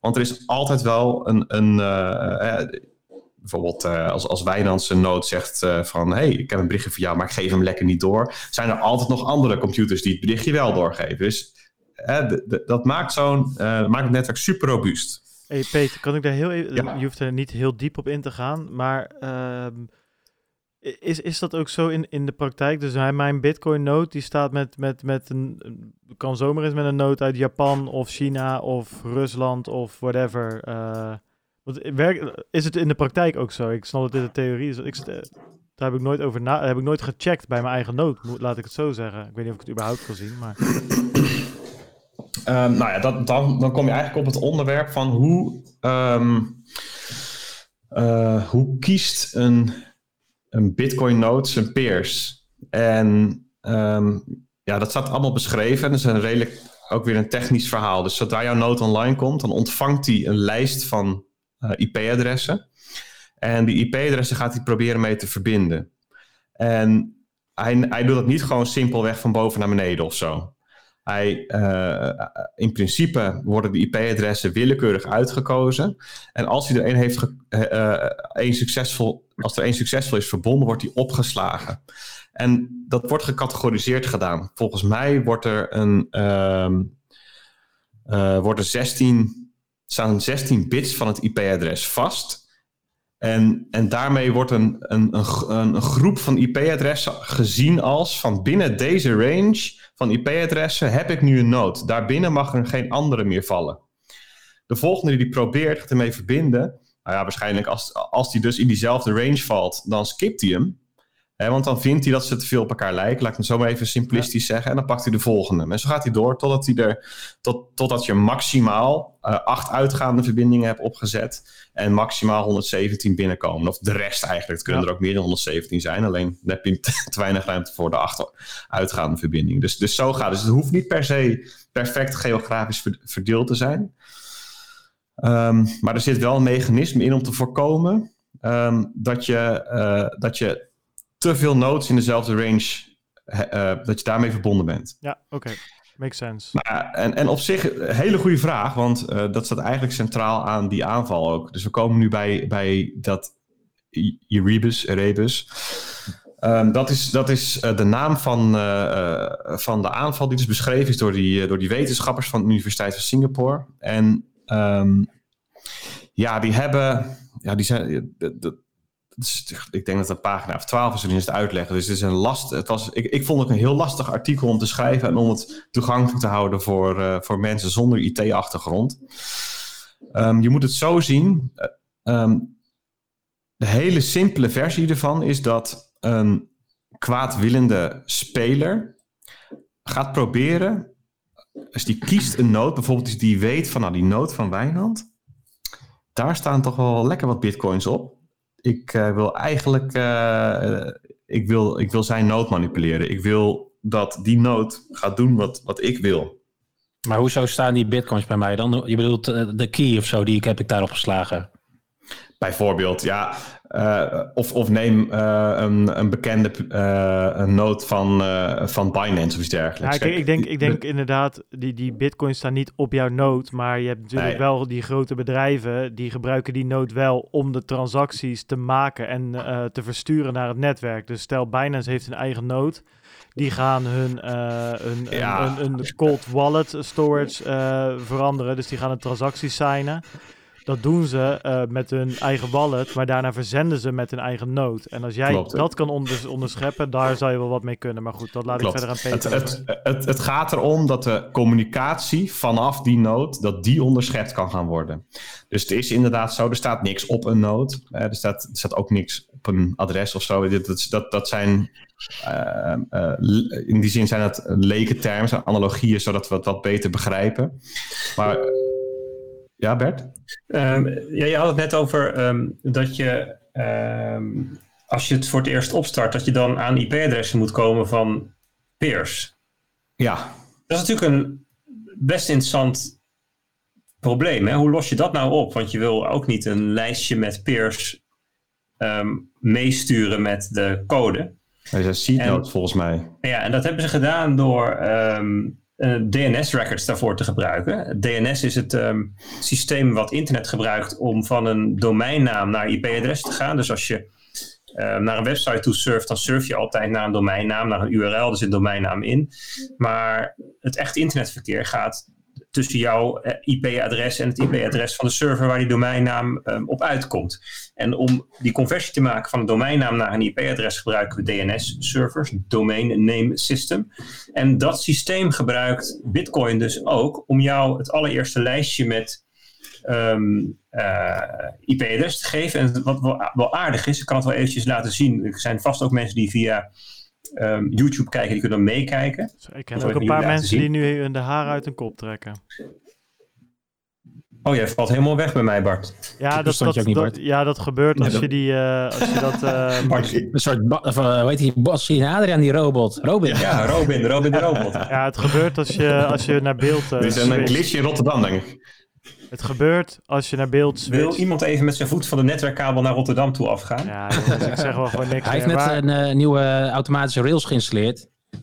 Dus misschien ligt het daarin, stoort. Maar weet je, Bart komt vast weer in de lucht. Ik ga even, Horen jullie mij even niet kan laten zien, hey, even kan vertellen, hallo. is hoe dat dan werkt. Je kunt namelijk um, um, in de terminal, heb ik even openstaan, kun je um, via een, een, een, commando kun je opvragen. Dit is een van die seed servers van uh, Bitcoin, seed.bitcoin.sipa.be. En daar kun je aan vragen, doe mij dan eens een, uh, geef mij even antwoord op de, uh, op de vraag van welke um, IP-adres, welk IP-adres hoort er bij jouw domeinnaam? Dat is eigenlijk wat je vraagt. En hij geeft een aantal antwoorden. In dit geval komen er, nou wat zullen het zijn, een stuk of 30 antwoorden uit. Dat zijn allemaal IP-adressen. De bovenste is 54.39.94.188. Maar als ik nog een keertje exact hetzelfde commando geef, dan komen daar dus andere IP-adressen uit. Mm -hmm. Als ik nog een keer doe, krijg je weer een ander lijstje. Dus elke keer dat je um, aan die server vraagt, mag ik het, het IP-adres, dat is normaal gesproken het antwoord, het IP-adres bij deze domeinnaam, dan geeft hij jou gewoon een lijstje met, nou ja, ik, misschien is het wel random, hè? ik weet niet, misschien is het een algoritme achter, dat weet ik niet, maar in ieder geval geeft je dus een zootje adressen en, en jouw node, die dus nu voor het eerst opgestart is, die gaat dus deze um, IP-adres gebruiken om, naar, om contact mee te leggen, om zijn eerste stapje in het grote wereldwijde Bitcoin-netwerk te zetten. En die verbindt dus met deze adressen. En vervolgens gaat hij, zoals Peter net uitlegde, ervoor zorgen dat er um, niet te veel dicht bij elkaar zitten. Wat, ik, wat mij opvalt aan deze adressen, dat die IP-adressen ook allemaal erg verschillen. Dus misschien doet um, die seed-server dat ook al hè, als eerste stapje. Um, maar, um, maar, maar zo, zo werkt dat dus. Dus dat is wel even grappig om te voorkomen um, dat je dus in de broncode een hard lijstje met IP-adressen ja. gaat meesturen. Dat is natuurlijk super riskant, want als die dan worden um, uh, aangevallen. Ja, uh, aangevallen of gevangen, dan, dan is het netwerk heel, heel, helemaal at risk. En hier, hier zit dus dit achter. En dat is wel. Um, ja. Um, maar dit kun je eenvoudig. Dit is maar nog eenvoudig even kunnen trace om te kijken waar valt deze IP in welk domein, bij welk land hoort dit. Best wel interessant om te kijken inderdaad. Um, wat is een geografisch uh, onderscheid wat hier gemaakt wordt. Best wel interessant om te testen. Het zal vast ergens gedocumenteerd staan, maar. Ja, waarschijnlijk wel, ja. Geinig. Nou, ga door. Ja, cool. Ja, hey, dat is leuk, weet je, ja. Um, ja, dit zijn dus die seed servers die uh, de Horen jullie mij nu weer, voor, trouwens, verschaffen. Um, ja, ja, we horen je weer. Oké, okay, ja, volgens mij gebeurt als Bert zijn scherm deelt, dan gaat er in één keer zoveel uh, data over de lijn hier, uh, dan um, weet ik ook niet wat er gebeurt. Maar goed. Zit op de wifi? Nee, toch? Nee, tuurlijk zit ik niet op de wifi. Ik heb alles hier bedraad. Ik zit zelf in een draad in mijn achterhoofd. Dus dat... Um, nee, ja, ik weet, ik weet niet... Uh, Hij zit in de Matrix. Ja. ja. Maar goed, uh, ja, ga, ga, ga verder, ga verder, ga verder, ga verder, ga verder. Ja, we, we, we gaan verder. We waren, um, we waren dus... Uh, we weten nu um, hoe een node die net is opgestart verbinding maakt. Dus die, die krijgt een lijstje van IP-adressen. Die gaat die IP-adressen proberen. En hij zet verbindingen op met andere nodes in het netwerk. Dat zijn zijn peers. En, en dan gaat hij praten. En dan functioneert hij als volwaardige node in het netwerk. Hij gaat dingen controleren. Hij doet werk. En hij, hij is nuttig bezig. Nou, nu is er een aanvaller. En heel simpel gezegd, zijn doel is om die verbindingen die, die, uh, die een specifieke node die hij uitgezocht heeft, waarvan hij zegt van nou daarvan wil ik de communicatie onderscheppen. Die van Wijnand hadden we gekozen. Die van Wijnand, superbelangrijk. Um, die wil ik gaan isoleren. Hij wil die verbindingen die hij heeft opgezet eigenlijk ja, gaan herleiden zonder dat ze herleid zijn. de route aanpassen zonder dat het merkbaar is dat de route is aangepast. Um, zodanig dat de, uh, de verbindingen nog wel uit lijken te komen bij goedaardige andere nodes. Dus Wijnandse, Wijnandse nood denkt, nou, ik ben nog steeds verbonden met, uh, met, met goede, lieve, goedaardige peers. Zijn, zijn gewoon nog mijn vrienden. Maar toevallig, is natuurlijk niet toevallig, komt het pad, is, is het pad van, van um, die door de pakketjes gegevens wordt, wordt genomen, komt iedere keer precies langs die aanvaller. En op het moment dat, hij, dat het die aanvaller lukt om alle verbindingen van Wijnands nood naar andere nodes toe te leggen, waarvan het pad allemaal langs hem komt, heeft hij hem. Dan gaat namelijk vanaf dat moment gaat namelijk alle communicatie van Wijnandse nood eigenlijk via langs is dus beïnvloedbaar. Ze zijn allemaal verbonden namelijk met die aanvaller, alleen dat weet Wijnandse nood niet. Um, via die aanvaller. En die kan dus beslissen bijvoorbeeld om alle communicatie van Wijnand gewoon te droppen. Uh, hij, hij, bestaat niet, dan wordt Wijnand gecensureerd. Ik wil een transactie doen, maar het kan niet. Het, het lijkt het wel te werken, maar, maar er gebeurt niks. Um, maar bijvoorbeeld eh, als het om een miner gaat, zou die ook de rekenkracht van die miner voor zichzelf kunnen gebruiken. Um, uh, en als hij maar genoeg miners heeft, dan heeft hij dus niet eens uh, 50% van de rekenkracht nodig om toch heeft hij dus niet een meerderheid van de rekenkracht zelf nodig om toch een 51% aanval uit te voeren. Want hij gebruikt gewoon de rekenkracht van bestaande miners. Het is dus een, een, een manipulatie van de berichtgeving onder water op zo'n manier dat het niet goed te zien is. Dat het eigenlijk niet te herkennen is. En dat, dat komt dat het, uh, omdat de aanval gebruik maakt van hoe het internet werkt. Het heeft niks te maken met Bitcoin. Bitcoin kan daar op zichzelf niks aan doen die, die maakt gebruik van een bepaalde netwerkarchitectuur. En, um, en, en daarin zitten niet bugs of iets dergelijks die, die, um, die de gaten verzorgen voor, uh, voor, voor, de, um, voor het bestaan van deze aanval. nou, het, het, het slechte nieuws is, het zet de deur open voor impactvolle ja, hacks, gebeurtenissen. Uh, dus het consensusprotocol kan er, kan er wel echt mee door de mand vallen. Eigenlijk. Uh, de integriteit van het netwerk staat op het spel. De, de off-chain protocollen zoals het Lightning Network, die, netwerk die uh, kunnen aangevallen worden. Bijvoorbeeld dat het sluiten van betalingskanalen niet meer kan. Of dat, dat iemand met het geld van, van zijn slachtoffer er vandoor gaat. Um, de beschikbaarheid van het netwerk kan in het geding komen. Als je echt een invloedrijke aanvaller hebt, of, ik, uh, dan zou je alle communicatie kunnen uitdoven enzovoort. Ja. Peter, Peter, mag ik een vraag hierover stellen? Hè? Want ja. wat jij zegt is een heel geleidelijk proces waar de aanvaller eigenlijk netjes meewerkt totdat hij alle touwtjes in handen heeft. Dus als Wijnand geld naar mij wil sturen of een transactie naar mij wil mhm. sturen en die aanvaller zit er al tussen, maar Wijnand zijn nood heeft ook nog een verbinding met Bert zijn nood en nog met, met, met jouw nood en whatever dan zal hij die transactie van Wijnand naar mij gewoon netjes doorgeven. Totdat hij ook de, het lijntje van Wijnand naar jou en Wijnand naar Bert heeft. En dan kan die uh, iets, iets... Nee, iets... nee, nee hij, hij, kan, hij kan direct al... Als stel, hij, stel het doel is om Wijnand te, te censureren... zou hij direct al kunnen censureren. Dat heeft Wijnands eh, nood verder niet door. Nee, maar hoezo, hoezo... Ja, maar Bert zijn nood wel. Weet je, het gaat er toch om dat je alle uitgaande... Uh, alle peers moet hij toch tussen zitten? Dat leg je net uit. Nee, hij hoeft niet tussen alle peers te zitten. Nee, het punt is, hij zit niet tussen peers. Hij, um, Wijnands Nood, die denkt dat hij verbonden is. Stel, stel, de, uh, stel we versimpelen het even. Wijnands Nood die is verbonden met tien goedaardige andere nodes. Ja. Uh, of vijf, vijf goedaardige andere nodes. Ja. En uh, wat, wat die aanvaller gaat doen, is die gaat kijken, die gaat op onderzoek van, hey, ik, ik, ik dat noemen ze stealth IP addresses.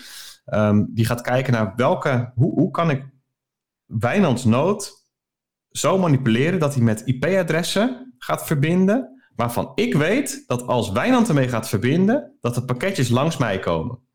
En in werkelijkheid, als dat gebeurt, is Wijnands nood niet verbonden met een andere nood, maar met de aanvaller. Alleen hij, uh, dat, dat is niet zichtbaar voor Wijnands nood. Ja. Dus die denkt nog steeds dat hij met vijf nodes verbonden is, maar in werkelijkheid is het er één. Ja, oké. Okay.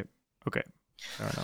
Maar, naarmate, na, naarmate dat proces vordert, dat is een proces van tientallen dagen, want, want eh, dit is dus niet een knop wat even omgezet kan worden.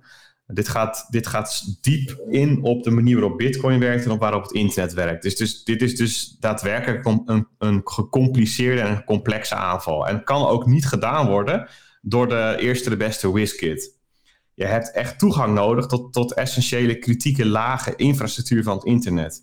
Daarom uh, beschrijven de onderzoekers ook als potentiële gebruikers van deze aanval bijvoorbeeld nazistaten of hele grote uh, internetdienstverleners um, die toegang hebben tot of als beheerder fungeren van, van wat ze noemen autonome systemen. En dat zijn um, uh, systemen die betrokken zijn bij, bij wat techneuten padbepaling noemen. En dus hoe de pakketjes, datapakketjes hun weg op het internet zoeken. En als je daar inzicht in hebt, alleen dan um, uh, kun je namelijk weten, uh, kun je iets zeggen over wat er gebeurt als Wijnand met een bepaald IP-adres verbindt. Want je moet namelijk weten hoe die, hoe die pakketjes gaan lopen. Mm -hmm. Je moet inzicht hebben in die bewegingen. En, en pas dan kan je het gaan manipuleren. Dus dit is niet iets wat. Uh, uh, hele kleine kans dat het überhaupt al een keer uh, ingezet is. En het is ook niet, zo, niet iets dat even gebruikt kan gaan worden. Dus dit is. Um... Maar het is altijd een aanval op een persoon of een instituut, niet zozeer op het netwerk aan zich. Want die zal gewoon blijven draaien en de pakketjes juist versturen, toch? Ja, of, nou ja, of is het schaalbaar tot het hele netwerk? Hoe groot is dit in potentie dan? Ja, in, in, in principe uh, kan zeg maar, in theorie zou het hele netwerk op deze manier platgelegd kunnen worden, ja. Dat zou kunnen. Maar dan heb je het wel over een echt heel grootschalige aanval.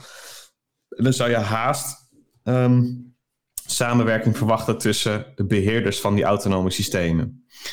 Uh, en um, ja, dit, dit, hier zit weer een heel rabbit hole onder van hoe uh, uh, van de architectuur van, van het internet. En ja, een beetje vergelijkbaar met uh, dat er een heel rabbit hole achter de, achter de stopcontact zit met hoe stroom geleverd wordt. Daar zit ook een heel wereldje omheen van hoe dingen werken, waar, eigenlijk, waar, niemand je uh, echt, echt bewust van is. En dit zit heel diep in, die, in, zo'n, in, in het rabbit hole van beheerders van uh, de infrastructuur van het internet dat, wij gebruiken. Wat dus in werkelijkheid eigenlijk allemaal verschillende netwerken zijn. Die op de een of andere manier toch met elkaar verbonden zijn. En daar zitten um, groep, groepen tussen. Um, en het zijn niet eens altijd formele groepen. Het zijn soms ook samenwerkingsverbanden. Het kunnen bedrijven zijn. Um, en en um, ja, die, die beheren, die, daar zit een stuk beheer van die infrastructuur bij. Um, ja, en er zit dus ook zo'n vage term omheen als een autonoom systeem. Nou goed, we zouden, als we dat een leuk onderwerp vinden, zouden we daar eigenlijk een losse podcast uh, over moeten maken. Maar het goede nieuws is dat het gefixt is. Nee. Oh. wat, wel, wat wel interessant is, even tussendoor, voordat je Peter dit antwoord toelicht. Um, wat Peter beschrijft, hè, dus, dus zo'n man-in-the-middle attack, dat is, dat is eerder gedaan. En dat, dat, dat kan eigenlijk ook veel makkelijker dan, dan dit, namelijk door te gaan rommelen met um, BGP, Border Gateway Protocol. Dat is het protocol waarmee stukken van het internet tegen elkaar zeggen welke IP-adressen bij hun stuk horen. En dat zijn vooral de hele grote internetproviders die daar, daarmee eigenlijk, of internetproviders of netwerkproviders die daarmee met elkaar daarover praten. Um, dat is alleen zichtbaar. Het aardige van deze aanval is, in tegenstelling tot een BGP-hijack, dat het onzichtbaar is. Het is niet detecteerbaar. En dat maakt hem zo sneaky. Dus het kan, dit kan plaatsvinden het, het, het, het, nadeel van deze uh, aanval is dat het veel langer duurt dan, dan een BGP-hijack. Maar het gebeurt wel stealthy. Dus je hebt, men heeft niet door dat dit gebeurt. En daarom is het wel heel interessant om dit te fixen. Want het verschil met het meeste wat op internet plaatsvindt, is dat het bij Bitcoin potentieel om miljarden dollars gaat en niet om een site of wat informatie. Dus zo, zo'n aanval is natuurlijk net zo voor, voor heel veel andere dingen potentieel ook mogelijk. Alleen bij Bitcoin gaat het ineens om zoveel waarde. Dat, uh, dat, dat dit type aanval, wat, wat, wat, wat heel veel tijd en heel veel, um, dat heel bewerkelijk is, dat dat ineens de moeite waard wordt om dat te gaan fixen. Maar is het nu gefixt, Peter? nice. Ik hoorde van niet, uh, Bert, maar was in de wandelgang. Um, even kijken hoor. Nee, nee, het is. Nou, je, je moet het zo zien. Dit is. Um, op het gebied van veiligheid heb je net zoals met um, de strijd tussen autoriteit en witwassers in criminaliteit, heb je op dit front heb je ook een kat-en-muisspel. ehm, iets is niet 100% veilig of, of 0% veilig. Het is niet een aan-uit. Dus wat je in deze context ziet, is dat je ehm, voor zeg maar, de, de manier waarop deze aanval uitgevoerd kan worden, daar kun je tegenmaatregelen voor nemen. En die maken het uitvoeren van de aanval lastiger. En het doel is om de drempel zo hoog te maken dat het, dat het uitvoeren van zo'n aanval eigenlijk niet meer interessant is, omdat de kosten niet meer opwegen tegen de baten. Nou, die, die onderzoekers die beschrijven vier potentiële tegenmaatregelen. En daarvan is er nu eentje als alfa, zoals, of beta, of in ieder geval nog niet, het staat nog niet standaard aan namelijk, um, opgenomen in de, in de Bitcoin Core, in die client. En um, nou, wat er dus gebeurt, wel, uh, ja, een, een, een, paar minuten geleden vroeg jij van uh, um, hoe, worden dan, hoe, wordt hoe wordt die verbinding nou gelegd dan met andere nodes? Is dat dan echt geografisch verdeeld en uit Japan enzovoort? Nou, de manier waarop dus die, die verbinding wordt gelegd, die is aangepast. En die feature, die aanpassing, um, dat noemen ze AS, S, AS Map. Niet S-Map. ja, ik vind het altijd wel lekker als ik op je S-Map, maar dit is een AS-Map. Um, en AS staat voor autonome systemen, autonomous systems. En map staat voor kaart. Um, je zou het kunnen zeggen van heel simpel, er is een kaart op in kaart gebracht welke IP-ranges bij welke autonome systemen horen. En wat die Bitcoin Core Client nu doet, als je uh, eh, AS-map aanzet, dan gaat hij de verbindingen distribueren over verschillende autonome systemen heen. Over, oh, ik, ik, zie Bart stuk gaan over AS-map. Ja. ja, dat is toch wel grappig. ja, ja ik, ik denk niemand deze, uh, als dit eindigt als obscure feature, niemand gaat hem meer vergeten. AS-map. Maar goed, die, die, uh, de manier waarop hij dus de, uh, de verbindingen verdeelt met andere nodes, um, is dus veranderd. Het is nu niet meer onderverdeeld in arbitraire IP-blokken eigenlijk, daar gaat het om. Um, maar onderverdeeld op basis van de verschillende autonome systemen. Ik geloof dat er, dat, dat er om en nabij 60.000 zijn uh, op de wereld. En door dat te doen, neemt, nemen de mogelijkheden voor uh, potentiële aanvallers af. Want ze hebben dan minder IP-adressen tot hun beschikking om te gebruiken als um, stealth addresses, zeg maar. Om zich, om zich mee voor te doen als een legitieme node. En want het is, het is, die hebben ze namelijk nodig. Ze moeten namelijk gaan onderzoeken, daar gaat namelijk die tijd in zitten. Um, ze moeten onderzoeken welke IP-adressen zitten precies op de juiste plek in het netwerk als Wijnand daarmee gaat, gaat, gaat verbinden. Die moet namelijk langs mij komen in al die hops. Um, ken je misschien wel dat uh, als je een, een trace route gaat maken van, van, van als je gaat verbinden met een website, dan kan je precies zien waar je pakketje langs. Nou ja, en, en een aantal van die IP-adressen, dat zijn de juiste. Nou, hoe kleiner die set is waar die uit kan kiezen, hoe kleiner de kans dat die aanval succesvol kan uitgevoerd, uitgevoerd kan worden. Nou, en dit verkleint dus die kans. En zo moet je het zien. Dus de kans is nu kleiner geworden dat, het, dat, dat er een partij deze aanval kan uitvoeren. Dus het is, de antwoord is nee, het is nu niet onmogelijk. En misschien dat het nooit onmogelijk wordt, maar ik denk wel dat het um, uh, infeasible, zeg maar, niet interessant gemaakt kan worden. Ja.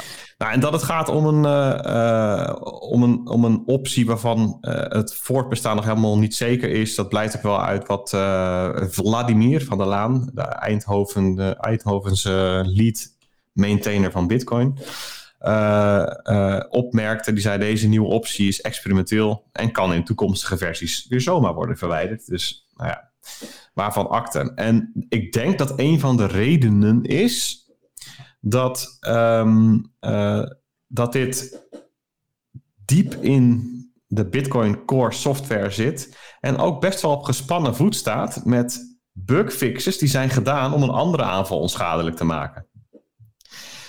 Dus uh, daar zouden we weer een, uh, dat is ook weer een rabbit hole. Volgens mij heet die Eclipse. Volgens mij was dat een, een, een kwetsbaarheid um, die uh, uitgebuit kan worden um, uh, in de vorm van een DDoS.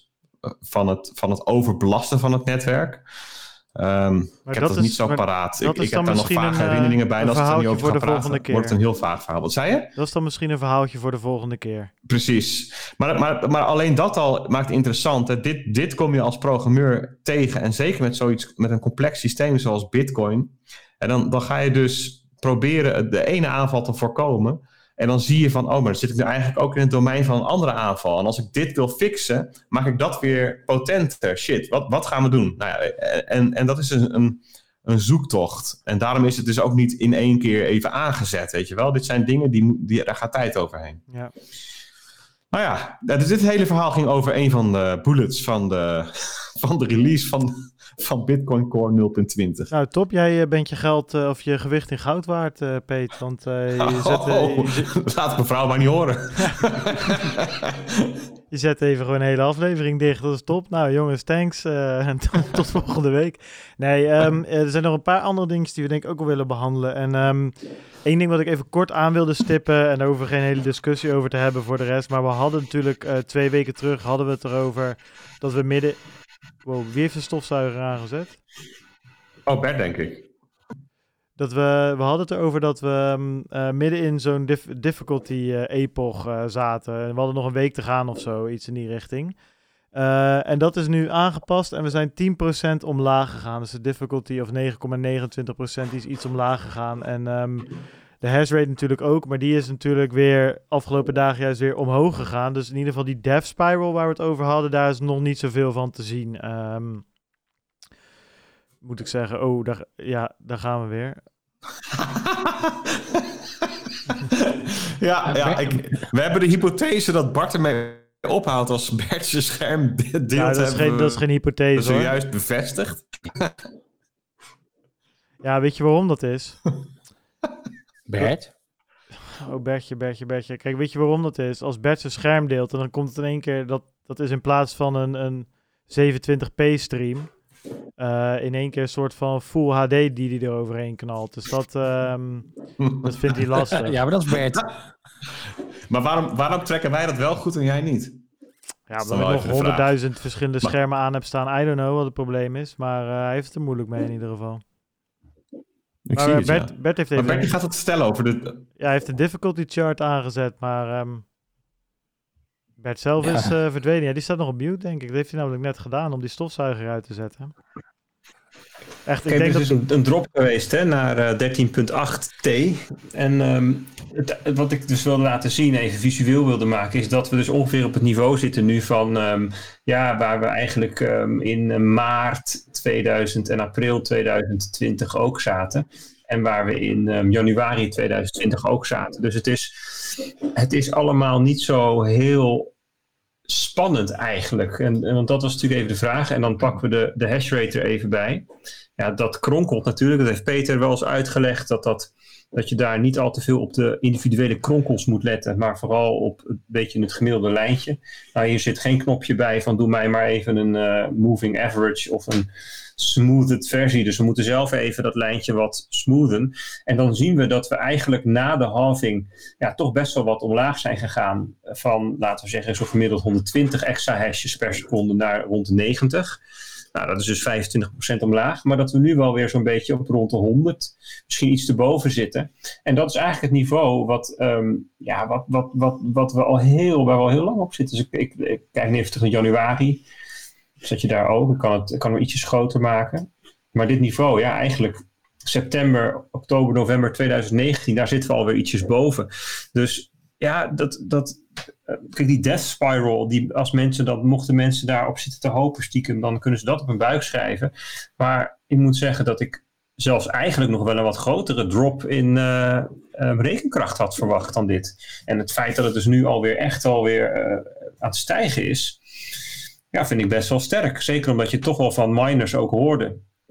Um, dat na de halving met de huidige koers, die gewoon nog steeds een beetje hetzelfde is als voor die halving, rond de halving, ehm, dat ze echt wel tegen verlies zaten te minen. Mhm. Hè, dus dus, dus dat, ik kan me haast niet aan de indruk onttrekken dat dat of nog steeds zo is, of ze toch wel trucjes hebben gedaan met nieuwe apparatuur of zo die efficiënter Nou, dat is. is wel interessant. Er zijn dus wel weer een, nieuwe, een nieuw zootje miners uh, is uitgekomen van, uh, van Bitmain en MicroBT volgens mij. Dat zijn de, de spelers daar in die markt. En um, ja, de S19 voor de, voor, de, voor de fijnproevers onder ons, dat is die nieuwe miner, die ASIC miner die is uitgebracht. En de, de, de theorieën gaan natuurlijk altijd dat ze die zooi zelf eerst een paar maanden gebruiken voordat ze die op de markt uh, zetten. Want ja, weet je, als jij efficiënte hardware mining apparatuur hebt, ja, dan, weet, dan kan je die het beste zelf eerst gebruiken voordat de rest van de markt ook toegang tot heeft. Dat is een beetje wat er, wat, wat er soms uh, gezegd wordt. Maar die impact zou wel snel zo groot zijn dan. Het is misschien ja, inboek op reserves, toch? Ja. Als jij de hoop hebt dat het een stijgende lijn is, dan kun je op korte termijn natuurlijk wel verliezen maken. Nou ja, het interessante is, uh, Wijnand, voor een miner, dat, dat hij dan beter zijn apparatuur kan uitzetten en ze gewoon kan kopen op de open markt. Ja, ja dat is ook zo, ja. Ja, dus dat ja. Tenzij die natuurlijk niet anders kan dan het laten doorlopen, omdat, het, um, omdat er contracten en deals zijn. Ja. Ja, ja de stroom is, ja, is een vaste kosten, maar ja. ja.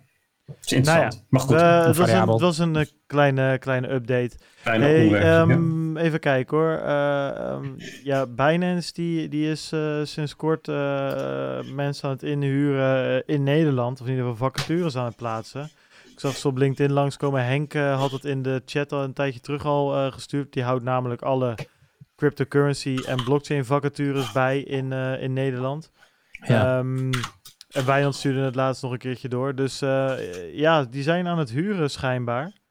Uh, uh, director, director, operations, marketing uh, en al dat soort zaken. Ja. Ja, dus het lijkt wel of ze echt serieus plannen hebben om of hier iets te gaan starten. Dus ja, wat zou dat dan zijn? De Europese headquarters? Is dat dat idee? Ja, misschien net als wat BitPay, wat vorige week waar we het over hadden. Hè? Die hadden ook de keuze Londen, Amsterdam en uh, zijn toen maar in Amsterdam gaan zitten. Er zijn natuurlijk wel meerdere uh, Europese takken van grote, of in ieder geval van, van uh, volgens mij, wat, wat, wat hebben we hier? We hebben hier Airbnb, nee, um, ja, er zitten een paar van die, Uber. Uber, Booking.com volgens mij zit in Nederland. Er zitten wel meer van dat soort uh, toko's die in Nederland zitten met een, Nike heeft volgens mij een hoofdkantoor, Europese hoofdkantoor in, in Nederland. Dus ja, misschien daarom. Um, schijnt belastingtechnisch wel interessant te zijn, hoor je altijd natuurlijk.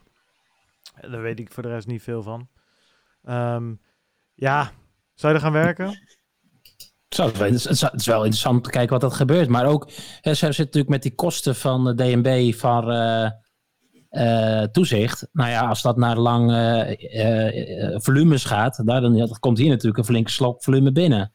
Ja, maar dat, zeg, is, dat is wel fijn voor die andere partijen, want die hoeven dan nog 3 euro te betalen. Bijna is de, de andere 1,6,999. Ja, of, of, of, gaat dit de lokale, uh, lokale brokers wegdrukken, als ze echt komen? Ja, het verandert niet zoveel. Maar het lijkt me wel leuk om de directeur Nederland TZT in de show te hebben, om eens even wat kritische vragen te kunnen stellen. Ja, ik denk niet dat hij komt, maar uh, we kunnen, je kunt altijd vragen. Ja, natuurlijk komt hij. Ze, hij, het. Ja, we gaan het zien. Er valt voor de rest ook geen zak over te zeggen. Maar we zullen het in de gaten houden wat ermee gaat gebeuren. Hey, nou ja, um, het is misschien wel interessant voor mensen die op zoek zijn naar een baan in crypto. Ik bedoel, uh, uh, ik denk dat als je op zoek bent naar een werkgever waar uh, mogelijkheden zijn, in ieder geval financieel. Ja, word je uitbetaald in Tron waarschijnlijk. Maar goed. Dat, ja, ja die Binance coin denk ja, ik. precies. um, maar daar koop je ook nog geen brood van. Dus ja... We... Nou, dat is niet helemaal waar. Ik bedoel, er zijn, de Binance Coin is voor mij een van de weinige altcoins die, uh, die niet helemaal uh, door, door het slijk gehaald is. Natuurlijk ook wel omlaag gegaan, maar niet de 95% zoals bij anderen in ieder geval. Ik zou het um, wel leuk vinden hoor, dat is een Toshi Radio Mol bij Binance binnen. Uh, letterlijk of figuurlijk? Dan zou ik niet gaan werken natuurlijk. nou, maar. Nou, niet per se Bart Mol, maar, ja. maar doe maar de figuurlijke. Ja. hey uh, jongens, ik wil ook um, nog even het laatste dingetje af gaan um, handelen. Want dat gaat denk ik, daar, daar, kunnen we ook nog even leuk over praten namelijk. En we zitten op een uur en een kwartier. Um, ik zat eens even te kijken naar de aandelenkoersen, want ik las namelijk, uh, ik, zag lang, ik zag ergens langskomen dat de Nasdaq, uh, dat is een Amerikaanse uh, ja, bakje met, met aandelen van, van bedrijven. Um, ja, hoe noem je dat? Index is het toch? Nasdaq index. Ja, nou, anyway, die staat weer boven de, wat is het, 9600 punten. En dan denk je, nou, wat boeit mij dat? Nou ja, dat is wel hoger dan voor de coronacrisis. En dat is natuurlijk wel interessant, want het gaat niet per se beter met die bedrijven. En eigenlijk zijn er heel veel factoren waarmee het uh, aanduidend slechter gaat dan voor de crisis. Er zijn wel veel techbedrijven natuurlijk, hè, listed op de Nasdaq. En, en ja, Amazon en Tesla en dat soort partijen gaan natuurlijk echt nou, als raket. Dat is niet normaal. En Zoom, wat dacht je van Zoom? Die heeft 169% extra omzet, geloof ik, als ik het zo uit mijn hoofd even Zoom, herinner. Zoom is die listed op, op de, de Nasdaq? Weet ik, weet, weet ik niet, maar dat, uh, dat, dat, dat type bedrijf doet natuurlijk waanzinnig goed in deze tijd juist. Ja, ja. En Nasdaq, dat zijn inderdaad de 100 techbedrijven. Uh, ja, oké, okay, dat, dat, is waar. Ik weet niet. Uh, ja, ik, ik, ik, zoek zo even, even bij, maar, maar je ziet dezelfde um, trend. En met de nadruk op trend, want, want bijvoorbeeld bij de S&P en de AEX, die indexen die zijn allemaal, bijvoorbeeld AEX staat op 560 waar de top ergens op 640, 650 lag. Dus die zijn ook alweer vanuit een dal van, van onder, de drie, vier, nee, onder de 400 ook alweer toch heel aardig opgeklommen. Dus ik, ik, zou, ik zou zo graag het kaartje willen laten zien erbij. Alleen dan, gaat, dan, dan sloop ik Bart natuurlijk weer. Ja, maar jij uh, moet ook uh, nu een beetje opletten, Bert. Ik, ik waardeer het enthousiasme, maar ik, ik heb een paar luisteraars die, die de haren uit hun kop trekken. Die zitten van, ik wil geen YouTube, ik wil alles luisteren via mijn podcastluisteraar. En elke keer als er kaartjes genoemd worden, dan krijg ik boze berichten. Kijk, er is ook niet zoveel te zeggen. Het punt is dat al die indexen, of ze nou Nederlands, Amerikaans of whatever zijn, gewoon toch eigenlijk met een behoorlijke rotgang weer richting de pre-corona um, uh, hoogtes gaan. Terwijl er inmiddels wel 40 miljoen Amerikanen zonder werk zitten. De Fed uh, die, die heeft voor 2 miljard extra op een, uh, op een uh, balance sheet staan aan, aan bijgedrukte, bijgedrukt geld. Ik bedoel, de economie staat er toch niet beter voor dan, dan drie maanden terug. En, en het lijkt alsof de aandelenkoersen daar weinig, um, zich weinig van aantrekken. Laat ik het zo zeggen. Nee, klopt. Ja, Ja. Dat, dat kan natuurlijk ook betekenen dat er al inflatie wordt ingecalculeerd. Dat is ook een interessante uitleg van wat er gebeurt. Ja, Ja, ja, ja dit is, hier, hier is inderdaad vrij weinig eh, concreets over te zeggen. Het is alle, alle eh, argumenten die je kunt verzinnen eh, die dit verklaren, dat zijn allemaal speculatief. Ehm, Ja, maar het is toch Nee, gewoon de- vreemd, jongens. Ik bedoel, wat, wat zien we nou om ons heen? En dan, dan hoor je van, ja, de aandelenmarkten die, die, die reageren enthousiast op het mogelijk heropenen van de economie. En dan gaan we gewoon Ja, maar dat terug, terug naar een stand die bijna hetzelfde is als, als twee maanden terug. Dat is toch, ja, weet je, ik bedoel, het zal allemaal wel, maar het, eh, het is toch allemaal niet meer te verklaren door enige rationaliteit, lijkt het wel. Ik bedoel, we hebben Nee, gesprekken gehad dat we recessies ingaan. En dan, nou ja, ik bedoel, het, het, lijkt wel alsof, alsof we eh, tegenwoordig een soort van week vooruit kunnen kijken. Een beetje met, met, met be- tegen beter weten in. Een beetje dat gevoel krijg ik erbij. Misschien opium, er zit gewoon Ja. oneindig hoop in. Nee, maar je moet natuurlijk kijken, welke partijen ehm, bewegen de aandelenmarkt? Dat zijn niet de retail investeerders. Ook al zijn er wachtrijen voor de Giro.nl, toch zijn het de, de echt grote ehm, fondsen en investeerders die, die, die, die, het grootste gedeelte van de vraag en aanbod vertegenwoordigen op, zo'n, op die aandelenmarkten. Dus het feit dat, kijk, de, de Nasdaq is echt wel een, een bijzonderheid, dat die een all-time high eh, heeft neergezet. En Zoom is inderdaad onderdeel van de Nasdaq, dus dat soort dingen kunnen wat verklaren. Maar als je kijkt naar de grotere in, indexen, zoals bijvoorbeeld Italië, is natuurlijk interessant omdat die zwaar getroffen waren. Ehm, die zijn ten opzichte van hun dalletje al wel weer met een procentje of 30 ge- eh, gestegen. En zit gewoon op hetzelfde niveau als mei en augustus 2019. En de AEX er zelfs een stukje boven. Dus zijn, dat zijn dus echt dat, zijn zeg maar brede ehm, eh, indexen. Hè? Dus, dus zoals de Nasdaq is dan specifiek een sector. Maar AEX zijn gewoon de 25 grootste fondsen van Nederland. En de- Italië zijn het er 40 geloof ik. Ehm, ja, dat is, dat is natuurlijk heel merkwaardig. Maar die, die partijen die daar, ehm, die, die de grootste gedeelte van vraag en aanbod vertegenwoordigen, daar zitten hele slimme mensen. Die, da- die worden niet geregeerd door hopium.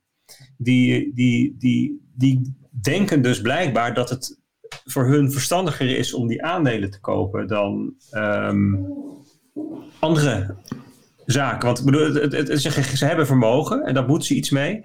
Ja, waar, waar kun je nog kwijt? Ja, waar kun je het kwijt? Maar die pensioenfondsen, die, die, die hebben mega tekorten. Die, dus ja. Ja. Ja, mega tekort. Dat zijn natuurlijk op papieren tekorten. Dus ja, dat is sowieso interessant.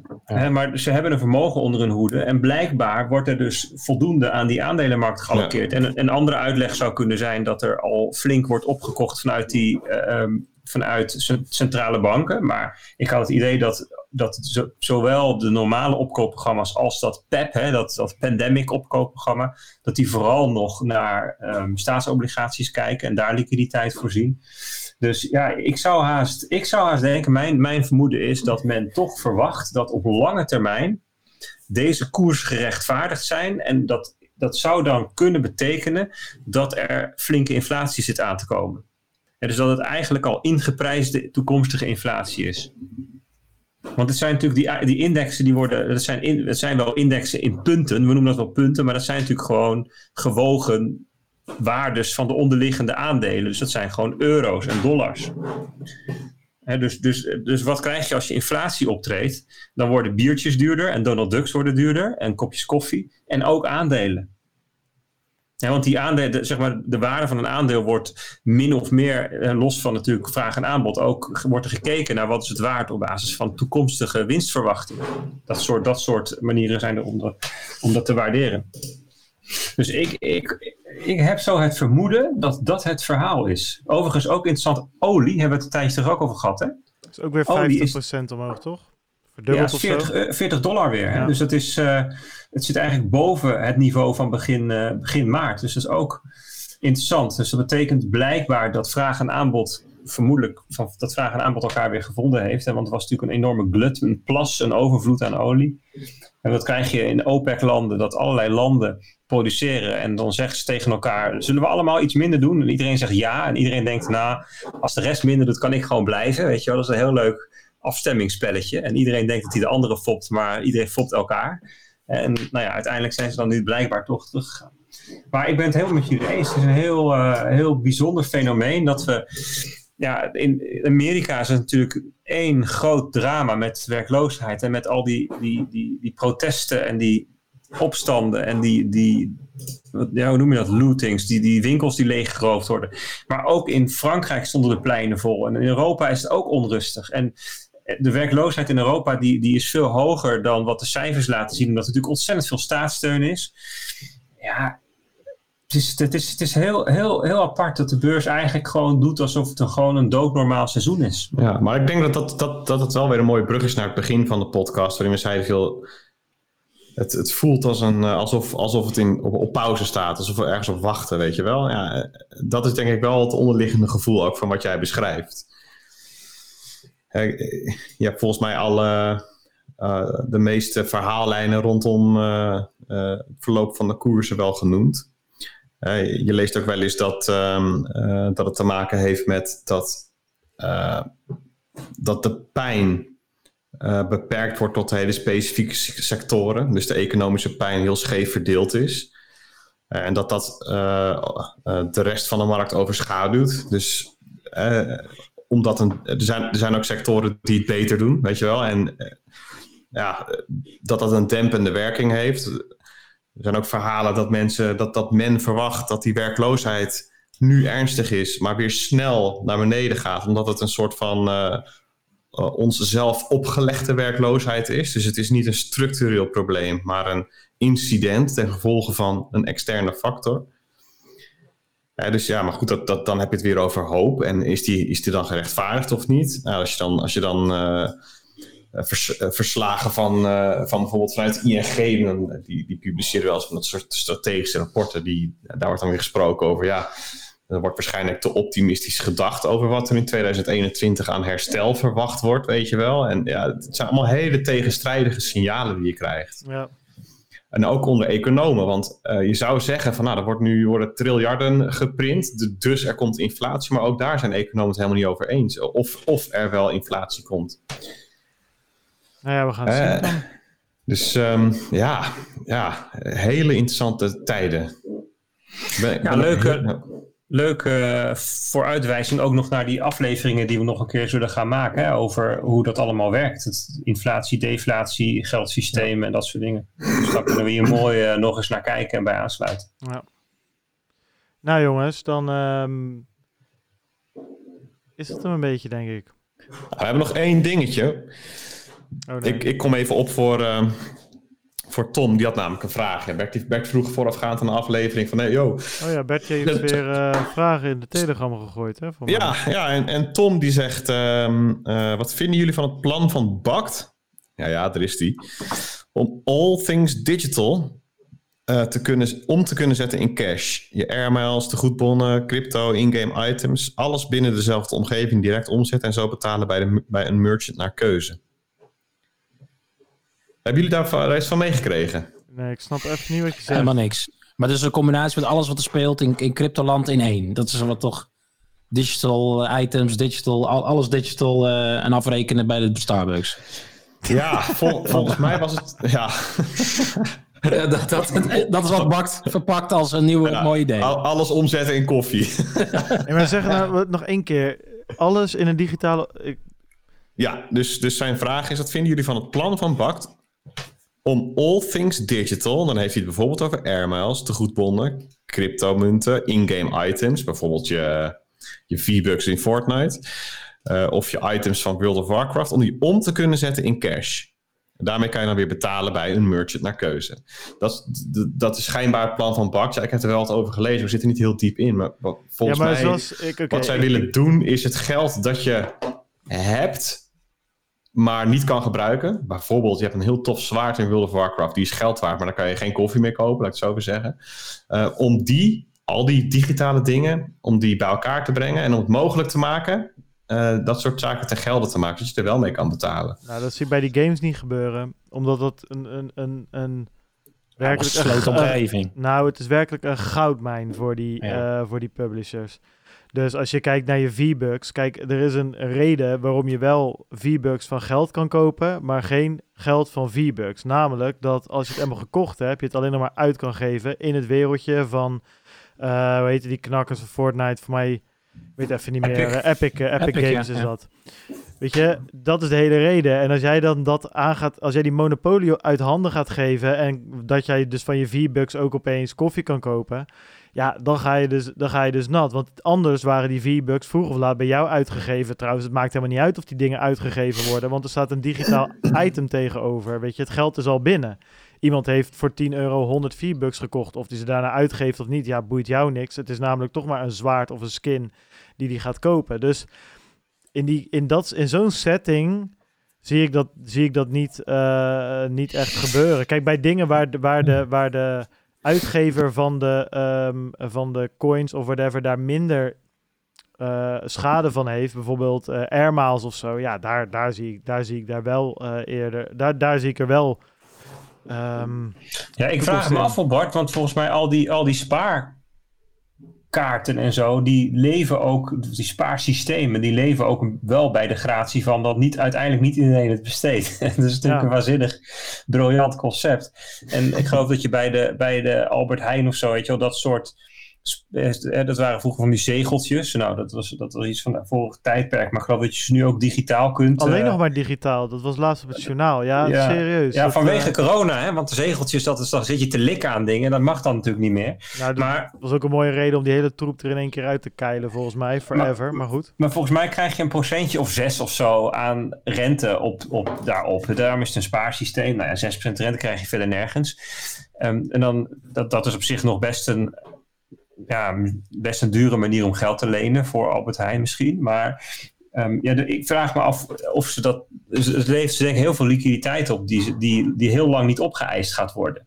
Dus ook voor dat soort Ja, toko's is het helemaal niet per se hun belang om dat li- meer liquide te maken. Want dat is wat je Ja. daarmee doet. Stel, hè, dus eh, als ik het idee van wat ik via het berichtje van Tom van Bakt krijg, is dat je een soort wallet of zo krijgt, portfolio, waarin al je ehm, eh, digitale valuta, waardevolle dingen, zegeltjes, punten, allemaal zitten. En dat je ze gewoon on the fly kunt converteren naar iets waar je mee betaalt. Dat, dat, is, dat is het idee dat ik er een beetje bij krijg. Maar dat betekent dus dat je een heleboel drempels wegneemt om, om de shit te besteden. En dat is nou Nou ja, precies wat jij zegt. Die drempels, die, die uitgevers van al die eh, loyalty programs en, en cashbacks en de hele mikmak, die hebben eigenlijk een baat bij een inefficiënt systeem. Waar er, waar, waar die drempels zijn, waar er hoorders zijn, waar mensen overheen moeten springen. En die gaan er, ze gaan ervan uit dat een soort van de helft van de mensen doet dat niet. Weet je? En ehm, ja, dus ik, ja, ik zie dat niet echt. ehm, Nou, ik vind het idee wel tof vanuit een consumentenperspectief. Ik, ik zou op zich wel blij worden dat je al die cruft gewoon ergens kan kapotslaan en, Zeker. en, en kan uitgeven. Zeker. Ik ben zelf helemaal niet van de spaarpunten en zo hoor, dus ik, heb, ik zal er zelf niet zo heel veel aan hebben. Maar Ja, maar dan misschien wel. Ik bedoel, dan, ik bedoel, als het dan een kleine moeite is om Ja. dingen te sparen. Zeker als het een beetje gaat zoals eh, via ehm, eh, dat, hoe heet dat? Dat je gewoon eh, automatisch, als je afrekent, dat dan automatisch die punten krijgt. Dus dat je er niet moeite voor hoeft te doen. Maar dan moet Ja, er toch een hele marketplace achter zitten. Wat, wat heeft Bakta uit zo'n zwaard uit Warcraft? Dan moet, dat, is toch niet, dat, dat kan toch niet nee, alleen precies. Dus ik, Nee, het ik ga zullen geen unique items zijn. Ja, zal- weet ik niet. Misschien, misschien dat ze wel de handel erin faciliteren of zo. Ik, ik, ik, Maar wat zou het dan toch super handig zijn als we één munt hebben die we voor al die dingen zouden kunnen gebruiken? Weet je, dat is toch het ding. Ja, een euro of inderdaad bitcoin, whatever. Maar dat is toch het, het, het, het, het ding. Zeg maar, het zou toch handig zijn als je in plaats van air miles gewoon euro's krijgt. Hè? Dus eh, een beetje wat, wat, wat stacking.com, weet niet of jullie daar wel eens van gehoord hebben, maar dat je daar gewoon bitcoins terugkrijgt. Maar dat is natuurlijk wel eh, het ding dat je bij FIFA of bij Fortnite of whatever game je speelt, eh, Call of Duty, dat je in plaats van COD points of, of V-Bucks of EA points gewoon je skin van euro's koopt. Dat, maar dat, precies wat Bert zegt, er zit daar een, een verdienmodel in het niet efficiënt maken van die markt. Want dan kun, wat, wat ze gedaan hebben is zo'n eh, zo'n Epic of zo'n EA of whatever voor game developer. Die hebben gewoon een eigen munt gecreëerd. Die hebben hun eigen economie gecreëerd die ze volledig als een soort van ECB on steroids kunnen, kunnen beheersen. Ze kunnen IE-punten bijdrukken, ze kunnen het eraf halen, ze kunnen pakjes duurder maken, ze kunnen skins duurder maken, ze kunnen whatever the fuck ze kunnen doen.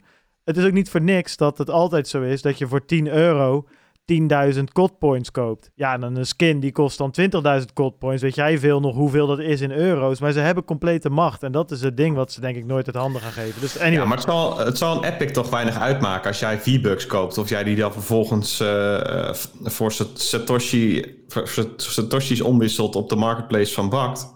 Dus zij hebben het geld al binnen. Ik bedoel, Nee, want je wisselt het om.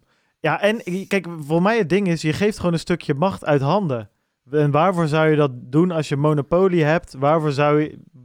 Zeg maar, het is perfect zoals het is. Weet je, Maar dat is toch hetzelfde met software resellen. Je wilt toch gewoon elke keer weer die, die, die key verkopen. Dus zo'n marketplace kost je toch uiteindelijk wel wat omzet, is, de, is wat ze denken. Voor de originele uitbrengers van software of zwaarden of, of van Kijk, wa- waar, ze, Ja, waar ze op verdienen is op de inefficiëntie dat er mensen zijn die niet al hun V-Bucks gebruiken. Dat er restjes V-Bucks overblijven. Ja. Dat er restjes spaarpunten ergens achterblijven.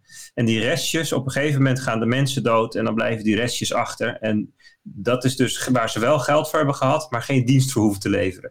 Dus ehm, neem, neem even Fortnite. Je koopt 1000 V-Bucks voor 10 euro, geloof ik, zoiets. En dan daar besteed je er 500 van en die vijf, andere 500 blijven over. Als jij daarna je V-Bucks of je, je Fortnite in de wil gehangt en je stopt ermee, dan die 500 V-Bucks worden nooit meer uitgegeven. Die blijven voor eeuwig staan. Dus als iemand anders V-Bucks wil, zal die ze opnieuw van Epic moeten kopen. Precies. En die kan ze niet van jou kopen Precies. die 500 die zijn op dat moment incourant. Die kun je niet aan een ander verkopen. Dus die, en en dat, en dat is natuurlijk een gigantische ma- manier om winst te maken. Kijk, voor die spaarpassen is in Nederland de wet best wel streng. Hè? Dus als jij een spaarpas uitgeeft, dan moet je daar een stichting, een beheerstichting voor opzetten. Waar dat geld in wordt beheerd. Zodat je dat niet stiekem uitgeeft aan allerlei andere dingen. En dat, dat, dat de mensen daar niet meer hun pannetjes voor kunnen bestellen en zo. Dus dat is wettelijk allemaal best wel aardig geregeld. Maar ja, zo'n zo, zo'n Epic die kan natuurlijk zijn gang gaan. Omdat er niet uiteindelijk pannen en weet ik wat voor bestek En- moet worden geleverd. Maar ze hoeven alleen maar... Nou ja, en het sikke is dat jij zegt er moet een dienst geleverd worden. Ja, nou ja, weet je, het is, je kan het een dienst noemen, maar het is natuurlijk een digitaal dingetje. Battle Pass, ja. Ja, een battle, maar of een, eh, een skin, dat is letterlijk een, een Ja. dat je poppetje er anders uitziet. Dat maakt voor Ja. Epic niet uit of ze dat één keer moeten leveren of oneindig moeten leveren, zeg maar. Briljant, toch? Dat is, en dat maakt het, dat maakt het zo'n eh, goudmijn. En als je dan nog, nog eens kijkt naar, naar bijvoorbeeld een FIFA, waar elk jaar gewoon alles incourant is en je weer een, naar een nieuw jaar. Nou ja, het is, het is, het is niet. eh, het, het, het is zo Eigenlijk, eigenlijk slim. is onze consensus nu... Het is best wel een tof idee, maar we hebben er een hard hoofd in dat, dat, dat bedrijven Ja, die, die, zeggen, ja. waarvan je er echt gebruik van zou willen maken, dat die eraan meedoen. Want die snijden hun eigen vlees. Dus we zijn vooral heel benieuwd naar hoe dat eruit komt te zien. Ja, maar misschien hadden we ons meer in moeten lezen hoor. Want ik weet ook Misschien totaal wel, niet hoe het ja. precies eh, eruit zou moeten zien. Want ik neem aan dat, dat bij Bak er ook wel wat slimme mensen zitten die ook een eh, Zoom call hebben gedaan. En ook wel tot deze conclusie komen. Maar goed. Ehm, ja, het staat er wel echt hoor op de website. Turning digital assets to cash has never been easier. Convert rewards, miles and points. Nou. Digital Gaming assets. assets and merchant stored value that is already in your name. Nou ja, eh, nou, ik ben heel benieuwd joh. We gaan het. eh, ik, ik, ik, ga, ik, vind, ik kijk vooruit naar het moment dat ik met mijn. eh, ja, met, met, met mijn Air Miles boodschappen kan doen bij de Albert Heijn. Is dat het idee? Dat kan toch al? Ja, dat kan al. met, met, met mijn, eh, met mijn V-Bucks. Ja, die, ik misschien nog heb. Met mijn codpoints. Nou, daar koop ik gewoon gouden voertuigen van en andere debiele skins hoor. Maak je Maar die shit is ook altijd zo geprijsd dat je altijd iets overhoudt. Weet je, dat is Ja, zo slim is ook, ook mooi. Weet je, er was vroeger had je dat in de, in de Amsterdam Arena. Toen Ja, dat ook net nieuw was, toen hadden kaart, ze, ja. dan moest je van die kaarten kopen of van die, van die muntjes of whatever. En op die kaarten Ja, kon je dan alleen kaart. maar... Het, het begon niet eens bij 5 euro, het begon bij 20 of 25 of zo. En de hamburgers die waren dan, nou ja, reken maar uit 4,50 of zo, whatever. Het past in ieder geval niet, weet je. En daar wat Bert zei, maar daar was de marge niet 50%, dat, dat was dan wat minder. Maar er bleef ook altijd 50 cent, een eurotje, 1,30 euro op die kaart staan. Schandalig was dat. Zijn ze van afgestapt trouwens, sinds dat eh PIN natuurlijk zo eh, doorgekomen is. Ehm, nou ja, nu we de vraag van Tom behandeld hebben, heb ik dan permissie om eh, langzaamaan eens af te gaan sluiten. Ik denk het wel, hè? Ja. Nou, een mooie aflevering geworden, toch? Dat is prachtig. Ik, En, eh, en als klap op de vuurpijl bewegen we gewoon richting de 10k. Nou ja, je meent het. Het is, het is ongekend. Ik zit hier met tranen biggelen over mijn wangen. Dus ik ga langzaamaan uh, het beeld op zwart uh, gooien. Jongens, thanks. um, ja, toch voor een fantastische uh, twee jaar, hè, zeggen we dan maar eventjes, om nog even terug te komen op, om de cirkel rond te maken. End of season 2. Start of season 3. We gaan naar season 3. Uh, season three. Daar is al, wordt heel, heel rijkhalsend aan uitgekeken. Ik heb op Reddit al gezien dat er enorm veel theorieën zijn. Hoe gaan deze verhaallijnen verder? Nou, niemand had uh, de, de, de, de dood van de main character voorspeld, Wijnand. Dus dat, uh, Wat is die schrijver ook weer van uh, Game of Thrones? Weet ik knakker. JJ, uh, wat was het? Um, God, weet hij nou? Hij schrijft in ieder geval weinig, dat kan ik je wel vertellen. Hij doet het met typemachine, toch? Kunnen, kunnen mensen nou ook weer een nieuwe Season Pass kopen dan? RR, ik zei JJ, het is uh, George R.R. Martin. Uh, mm. Nieuwe Season Pass, ja, die uh, komt eraan, maar die stellen we nog eventjes uit. Net als alle andere bedrijven, wegens er zijn belangrijke dingen op dit moment dan de Season Pass voor Season 3. Um, even kijken hoor, ja, nou, vond je het leuk? Uh, check onze website www.stoosradio.nl. Dan kun je ons volgen op Telegram uh, en Twitter of join op Telegram, volg op Twitter. Dat kan natuurlijk ook bij uh, Lekker Cryptisch. Kijk op www.lekkercryptisch.nl. Jongens, bedankt. Tot volgende week. Dan zitten we er allemaal weer. Yep. En um, nou ja, dan uh, hopen we dat uh, jullie ook weer luisteren. Zien jullie volgende week. Adios. Oh, foutje.